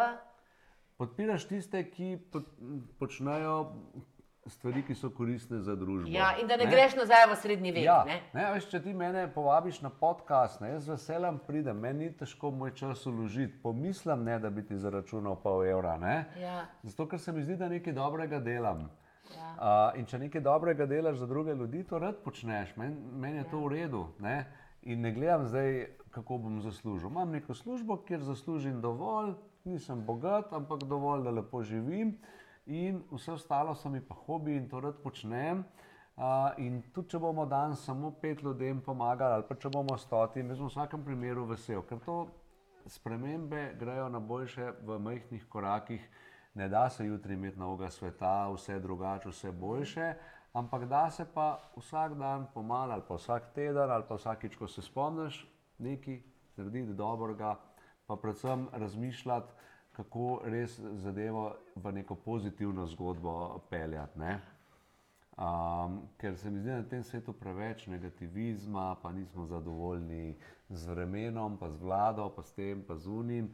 V resnici se imamo pa zelo fajn, uh, lušten se imamo, nič nam ni hudega in če se družiš pozitivnimi ljudmi, je ta svet krasen in se da zelo lepo živeti, brez nekih večjih materialnih dobrin. Vse jih rabimo, se vsi delamo za njih, seveda, pač preživeti je tudi treba, ne? ampak uh, to je samo toliko, da preživiš, potem pa začneš delati pa na sebi, na osebnosti, na duhovnosti, na tem, da se družiš s prijaznimi ljudmi, na pozitivnosti. In se mi zdi, da s tem lahko veliko narediš. Ker materialno do neke mere je ja, to, da preživiš, avto rabimo vse te stvari, ampak pol se nekje neha. Da je dovolj, si vsak sam zračuna, ampak nekje si vsak lahko zračuna, da je dovolj. Jaz ne podpiram te ameriške logike, nikoli ni dovolj. Ja. Še milijon, še dva, še pet, še deset. No, ampak ti si podjetnik, to moramo povedati, ti se ukvarjaš s posteljami, ja. Ja. prodajaš postelje, se pravi, povezal si svoje delo in svoje poslanstvo o spanju, nas ozaveščaš in tako naprej. Tako. Ti pravzaprav živiš idealno življenje na nek Tako. način. In hkrati sem jaz ugotovil, da je moja plača 2000 ali 5000 evrov, jaz nič boljš ne živim. In se ne grebem, da bom imel 10 tisoč evrov plače, ker ne živim boljše. Kvaliteto hrane si lahko že za neko normalno plačo hitro privoščiš. Sploh ne, uh, če ješ bolj malo, kot jaz jem, ne? ker pač telo ne rabi veliko. to ni drago. Ja. Avto, pač ja, vozim 12 let star avto in sem to, se ne ukvarjam. In zdaj pa seveda ne hitro prideš do tega, da večja plača meni ne boljša kvaliteta življenja in delam samo toliko, da naredim dovolj, vse ostalo pa delam na sebi, na družini, na prijateljih, na druženju, da a, grejo stvari na bolje. Evo, eh, hvala, E- Emil, ki si mi dal čas za razmislek. Eh, ja, zelo lepo povedano. Jaz bi rekel, ena zadeva, ko sem zdaj malo razmišljal o tem, uh, vse čas uh, se ukvarjam z eno stvarjo in to je iskanje resnice. Ne? In poskušam, zdaj me trenutno dihanje, zelo ta zdrav način življenja. In čutim, da je ena moja vizija, tudi eno poslanstvo, to, da dajmo ljudem uh, odkriti prave stvari, dobre stvari. Uh, ker se vračam na začetek našega druženja. Ne?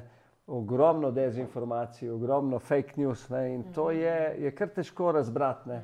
Ja. A Ne, to, to, kar je Emil rekel na začetku, ne, knjige so lahko ena zadeva, ampak tudi knjig je vse sorte, ne, res izluščiti tiste stvari noter in ko gledam nazaj svoje življenje, skozi sem iskal to iskanje, kako prideti res do nekih pravih stvari, uh, ki pomagajo, seveda najprej sebi, ne, pa ne zgleda, ne, to ne zgleda sebično, potem pa ne, drugim, ne, če sebi ne boš, Ja. ne, pa tudi drugim Ja, ne ja, moreš. Ne. ja, ja. Najprej moramo sebe tlele malo vzeti. in, Ja, in hkrati Ti se čas zavedati, da, da smo del. del, tako, Ja, ja. del drugega.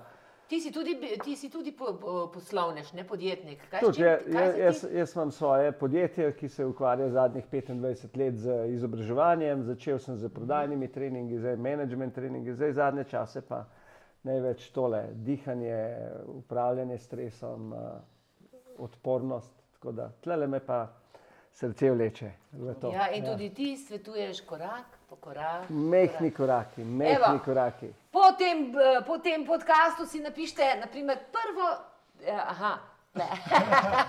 Podpi, napišite si naprimer, tri, štiri stvari, ki bi jih radi spremenili, in zberite najlažjo, in tisto poskušajte, naprimer, v enem mesecu, ali pa dveh, ali pa treh. A Ja, gremo, Tako. se gremo. Jaz, to, uh, jaz sem vedno motivirana za take stvari. Tako? ne? Tako, evo. A, Vedno, gre- vedno, Džingis Kanov trojček. Ja, to pa definitivno res hvala ti za to. Za to viš? Treba je brati. definitivno. Maj, svoja beseda. Moja beseda, neč, jaz hvala, hvala. Hvala za družbo, no, kot vedno. Ne, Hvala, Jaka, hvala vsem, ki nas gledate. Čau! Čau. Čau. In hvala za vabilo. seveda, Ja, za hvala. Zdaj. Hvala. Evo nas.